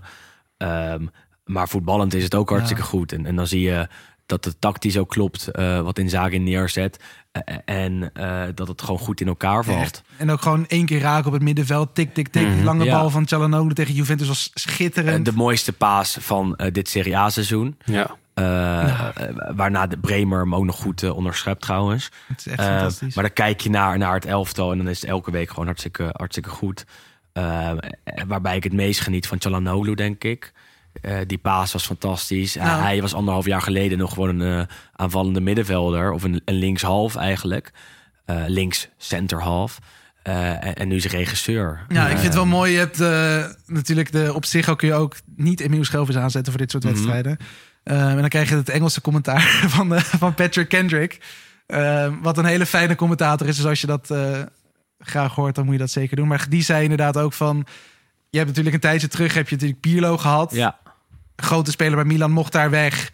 Werd bij Juve misschien nog wel beter en won daar alles. Een beetje diezelfde spijt die de Milanisti misschien toen hebben gehad... dat hij toen naar Juventus ging. Zullen ze nu ook wel hebben gehad dat Çalhanoğlu dan naar Inter gaat. Wat ook nog eens natuurlijk dus de rivaal is. Maar Ja. ik denk ook niet dat ze bij Milan hadden gedacht... dat Çalhanoğlu zo goed zou kunnen worden. Niemand. Niemand had Niemand, dat had dat gedacht. verwacht. Want hij, hij kwam bij Inter en was aan het begin prima. en, en scoorde bij zijn debuut. Eh, en was, was oké. en, en een goede vervanger van, eh, van Eriksen. En het grappige is dat Eriksen die ontwikkeling ook heeft gemaakt Ja. bij Inter. Die werd ook regisseur in het titelseizoen. Ja. Brozovic heeft dezelfde ontwikkeling ook gemaakt. Was eerst centrale middenvelder, daarna regisseur. Çalhanoğlu idem dito. Eh, het is wel grappig dat, Over dat jaar staat eh. Zielinski voor de verdediging. Ja, ja. dat zou serieus Klaassen. Ja. Davy Klaassen die nog inviel tegen Juve en eh, Ja. vijf minuten mocht spelen. Ehm, Ja, Maar, goed, één ja. moet je natuurlijk wel bij Çalhanoğlu niet echt blind staren op zijn cijfers, zeg maar, qua goals. Want hij neemt gewoon alle penalties natuurlijk Precies, over. Dus dat scheelt, dus dat het kun je het afhalen spel. eigenlijk. Maar je ziet gewoon echt in het spel en Ja. hoe die ook ballen, crosspasses links, rechts. Iedereen zet die vrij voor zijn keeper. Alle ballen komen aan. Dus echt, precies. nou, En, en, en dat is een grote kracht van dit Inter. En het is Ehm, niet alleen Çalhanoğlu. hè. Ik, ik vind het ook heel goed aan Inter dat ze de afgelopen jaren hebben weten te gokken op spelers die ze eigenlijk ja, voor niks hebben binnengehaald. Zoals een Çalhanoğlu, eh, zoals een Mkhitaryan, Darmian, Darmian, Acerbi misschien ook wel. Mkhitaryan. En zelfs een Touran waar ze niet heel veel voor hebben betaald. Ja. Die stuk voor stuk, Ah, Cherby. Die zei ik al. Ja, sorry. Ja. ik dacht al, welke naam zeg ik nou niet die al eens gezegd? maar, In ieder geval, dat is ontzettend knap. En dan heb je bijvoorbeeld ook nog Acerbi die ja, laatste ja, ja, nee, precies. Maar dat is zo. En, en, en die, dat, dat, dat is toch Marotta. En Marotta heeft bewezen Ja. dat hij eh, de, beste directeur van, eh, van de Serie A is over de afgelopen twintig jaar eh, heen. Want hij heeft het bij Sampdoria super gedaan. Bij Juve fantastisch. En is nu eh, de, de architect achter het Inter dat het fantastisch doet. Ehm, En het hopelijk eh, voor Inter, maar ook voor de voetballiefhebber, fantastisch blijft doen. Want Nou. in de Champions League is het straks Inter tegen Atletico. Wat denk je ervan? Dat wordt lastig, maar... Wordt lastig, maar het, het kan wel. Ik bedoel, ik denk niet dat zij de Champions League finale weer gaan halen. Maar ze maken zeker kans tegen Atletico. ik zou ik zeggen dat het 50-50 is. Alleen gaat bij Inter wel de focus dit jaar op eh, de Scudetto. En niet op, eh, op de Champions League. Nee. Vorig jaar zag je dat die eh, eh, focus verschoof naar de Champions League. En dat, dat lukte gelukkig ook. Hè. De, de finale gehaald, wat super knap was. Eh, maar daardoor verspeelden ze in de Serie A superveel eh, punten eh, aan het eind. Uiteindelijk toch nog eh, in de top 4 geëindigd. Eh, probleemgeval bij Inter misschien nog wel. Dumfries. Mogen we dat zeggen? Ja, Nou ja, is dat een goed, niet probleem? als je wordt vervangen door Pavard, toch? Nee, Ik bedoel... Door Damian. Door Darmian, vooral Ja, en niet door. Pavard. Ja, Nou goed, zin, gisteren ja. natuurlijk met die goal, of de, was het gisteren? Ja, eergisteren. Met die goal ook. Je zag ook gewoon qua tactiek, de bal komt volgens mij van rechts. Darmian gaf hem voor op de Ja. omhaal van Pavard, die dan Ja. ook opeens opdook. Die Marco stond daar ook nog op een meter Het afstand. is super fluïde. Mhm. Die Marco was van links, Als links naar rechts, naar rechts, buiten. Het, het is, ja, er zit gewoon echt een heel goed idee achter. En ik vind dat echt heel knap van Simone Inzaghi ook. Wat als mens en als trainer natuurlijk gewoon echt een clown van de vent is eigenlijk. Want die loopt, staat alleen maar te dansen. En dat is gewoon een soort wandelende ja, Meme. En een meme-speler Ja, en een ja, meme ja, ja. machine ja, op zijn dat Engels. ook. Ja, ja. Ehm, ik heb even eh, Maar ja, heel lang naar hem gekeken tijdens het interviewen. ja, Zie je, hij, hij wordt alleen maar gek. Het is niet normaal. Pakt ook weer geel, is geschorst tegen Rome Ja. aankomend weekend. Ehm, Maar goed, ik vind het heel Ja. indrukwekkend. Want goed, we zagen natuurlijk bij Lazio in die periode... dat hij vooral natuurlijk in, die, in, in de topwedstrijden vaak heel veel punten pakte. Mhm. Maar goed, ja, de vraag is dan toch hoe je dat kunt doen... bij een, echt een grotere club, Ja. echt een topclub. En nu natuurlijk de Champions League finale gehaald. Nu dit seizoen echt zo overtuigend. En het wordt ook gewoon gevoelsmatig alleen maar beter. Kijk, maar dat is het ook. Ja, want. Lukaku was vorig seizoen niet heel goed. Touram is gehaald. Fantastisch. Eh Skriniar speelde eh, lang niet meer... nadat hij eh, liet weten zijn contract niet te willen verlengen. En daarvoor is Pavard gehaald. Sommer eh, is even goed als Onana, kan je bijna zeggen. Misschien was Onana wat beter. Niet overdrijven. En bij Inter toen. Ja. Ja. Precies bij Inter. Ja, ik weet het niet meer. Ehm, maar dan kan je alleen maar stellen dat Inter als Champions League finalist alleen maar beter is Ja. geworden. Ja. Denk het wel. Eh, en dat zie je ook in de resultaten in de competitie. In de eh, Champions League moet je ook geluk hebben. Want vorig jaar natuurlijk tegen Benfica gespeeld, tegen Porto, tegen Milan.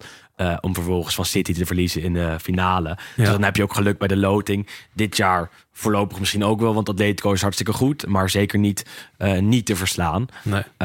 Dus dat gaat super interessant worden. Maar nog even over Dumfries, hè, waar we net heel even over hadden. ja, Denken jullie dat hij een zeg maar, te eenzijdige speler is voor dit Inter? Want jij zegt net al, want die Marco die stond op een gegeven moment rechts buiten. Ja, dat zou Dumfries dan niet zo heel snel zien doen. Dat hij dan, opeens aan de dan andere kant... onderschat je hem denk ik een beetje. Want het is wel zo dat, dat Dumfries op een andere manier eh, wat toevoegt aan het Inter. Qua fysiek, qua snelheid. Hij viel ook goed eh, in tegen qua, qua dimensie. Hij viel goed in tegen Juve. Werd diep gestuurd. Gaf voor op, op Arnautovic. Wat een zekere assist is. Arnautovic. Oké, op de bank zitten wel spelers waar je wat kritiek op mag leveren. Eh, maakt hem niet af. Eh, maar Dumfries voegt zeker wat toe. Alleen blijft hij wel harde voeten hebben. En blijft hij tactisch misschien wat minder goed dan, dan een Darmian of een Pavard. Dat, dat zeker. Die zijn eh, zeker Pavard van een andere categorie. Ja. Ja, gewoon misschien ook net, ja, het is een beetje lelijk om te zeggen, maar gewoon wat intelligentere voetballers. Ja. Ook gewoon qua, wat, wat je zegt, ook misschien wel iets meer de multifunctionaliteit en overal op het veld kunnen opduiken. En Dumfries kan natuurlijk wel qua loopvermogen en dat soort dingen, maar Precies, dat echt qua spelinzicht is dat natuurlijk wel misschien iets waar hij net iets minder in is. Daarom zou de Premier League voor hem ook ja, daarom, maar goed, ik denk zijn. ook zeker Kijk, als je nu voor Dumfries ook weer 30, 40 miljoen kunt... De, de cyclus Ja. is op een gegeven moment ook klaar. Eh, ook van Dumfries bij Inter. Eh, die gaat straks het EK spelen. Zijn contract loopt in 2025 af. Inter kan hem geen top salaris bieden. Dat wil hij wel op een gegeven moment gaan verdienen. Wat ik wel snap. Eh, dan kan je elkaar ook de hand schudden en zeggen... weet je wat, we gaan uit elkaar. Ga ik we gaan jou lekker naar proberen te verkopen. zo, Ga je naar Chelsea of United. Ja. Hebben we het jaren leuk met elkaar gehad. Veel beter nog met elkaar gehad dan verwacht. Dan is het nu tijd om, eh, om afscheid van elkaar te nemen.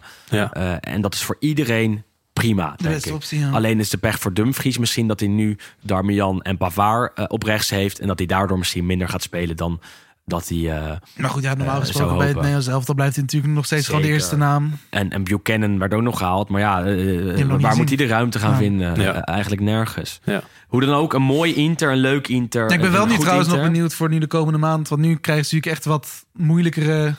Ja goed, ze hebben net Juve gehad en de Supercup. Dus dat vertekent een beetje. Maar goed, nu natuurlijk dat je weer die Europese verplichtingen er ook nog eens bij Ja, krijgt. zeker. Waar met- je dan inderdaad twee keer in de week moet spelen. Dat En dan ga je weer vaker Alexis Sanchez zien en vaker Arnautovic. En die zijn vreselijk tot nu toe. Nou, Echt vrees. Arnautovic eh, kunnen we wel beter. Ja, maar kom op. Die komt het veld in en dan denk je, Paul, wat, wat, wat is dat voor speler eigenlijk? Ja, ja. Hebben ze gewoon 8 plus 2 miljoen voor betaald hè, afgelopen eh, zomer. 8 miljoen vast en 2 miljoen bonus. Nou ja, vind ik echt Ja. ongelooflijk. Die eh, doet niks. Alexis Sanchez in de Supercoppa wel goed, trouwens. Eh, zijn enige goede wedstrijd voor Inter in zijn tweede periode daar. Nou, op het juiste moment gepiekt. Zo is het, jongens. We hebben Goed. alles besproken, alle teams langs gegaan. Wil ik nog, hè, hè, ja, Jezus. langer dan, langer, nou, langer wat is jouw favoriete calcio woordenboek woordje? Oeh, Ja, je gaat nu Heb- zitten heb je spieken. Jij zet mij voor het blok, hè? Ik zet jou hier voor het blok. Ehm, Zit er ik moet, ik, hier echt over na te denken. Heb, heb jij er Ehm, God. Ja, Ja, kijk, ik, er vind- zoveel. ik ben sowieso fan van zeg maar de namen Club, van de club, posities. club. Club. Club. Ja, ik ben wel fan van gewoon de dingen als een regista en een Ja. Ja, regista een- supermooi. Dat, Ja. dat vind ik gewoon mooie woorden gewoon qua hoe het wordt. Ook al hoe je het uit kunt spreken. Tutto Campista, Nou. daar ga ik voor. De Tutto Campista. Ja. Antonio Candreva. Een die overal op het veld Nou. aanwezig is. En overal kan spelen. Een Jolly, ook leuk. Jolly is inderdaad Jolly is mooi. Italiaans woord. Ja, maar ja, is- ik hoop dat het erin staat. Maar Jolly is ook wel leuk. Dat is een, een speler die overal kan, kan spelen. Die multi-inzetbaar Ja, is. ja, ja. Jij dan, ja, je hebt er genoeg. God. Ja, Ik- nou, ja, ik- we gaan het niet toe rekken nog. Ze hebben het in Italië wel, ook omdat het zo'n gesloten voetbalcultuur in die zin is, ook heel vaak over il gol dell'ex. Ja, natuurlijk, vind nou, ik ook goal de Lex is fantastisch. Ja, ja. De goal van de, van de oudspeler. Manca solo la firma. Dat hebben we natuurlijk ook heel Ja, vaak gehoord. schitterend. Ja, ja. Je hebt gigantische eh, termen. Zulke soort termen mag je dus ook inzenden. Ja. Zend die vooral in. Stuur die naar onze Twitterpagina of op eh, Instagram naar ons. Dan kan jij het eh, boek Calcio winnen. Dat is geschreven door Jarno Timmermans. Eh, dat is een Italiaans voetbalwoordenboek. Kans eh, heb je ook om die te sturen op onze Vriend van de Show pagina. www.vriendvandeshow.nl slash Los Stadio. En- daar kan je ook nog Vriend van de Show worden krijg je dit jaar, moet ik eerlijk bekennen, niet heel veel voor terug. Wij wel. Het is zo. Nee, maar het, het Oh, betekent... nu heb je hoor. nee, nu gaan mensen het echt doen hoor. maar het betekent wel dat mensen ons steunen in het maken van de podcast. Ja, dat en dat er ook nog een komend seizoen eh, eh, kan komen. Want En je zit wel in de Telegram voor de, voor de montage en eh, de, de Telegram eh, groep. Maar Voor het eh, materiaal. Door ons financieel iets te, te steunen, kunnen wij de podcast ook volgend jaar nog maken. En dat, eh, dat zouden wij dus hartstikke leuk vinden. Gewoon chantage dit. Zeker. Nou, Willen nee, jullie een nog een steun, nieuw seizoen? steun in de rug. Eh, vriend van de show. Eh, Nou. Dat, dat kan gewoon. Eh, of dan kunnen we een keer een live evenement eh, eh, eh, organiseren. Dat heb ik ook een keer eh, ook nagevraagd. Organi organiseren, precies. Eh, jongens, ehm, jullie bedankt. Harme Ridderbos bedankt voor de eh, montage en mixen. En eh, Jarno de Jong, hartstikke bedankt voor eh, ehm, de- het artwork.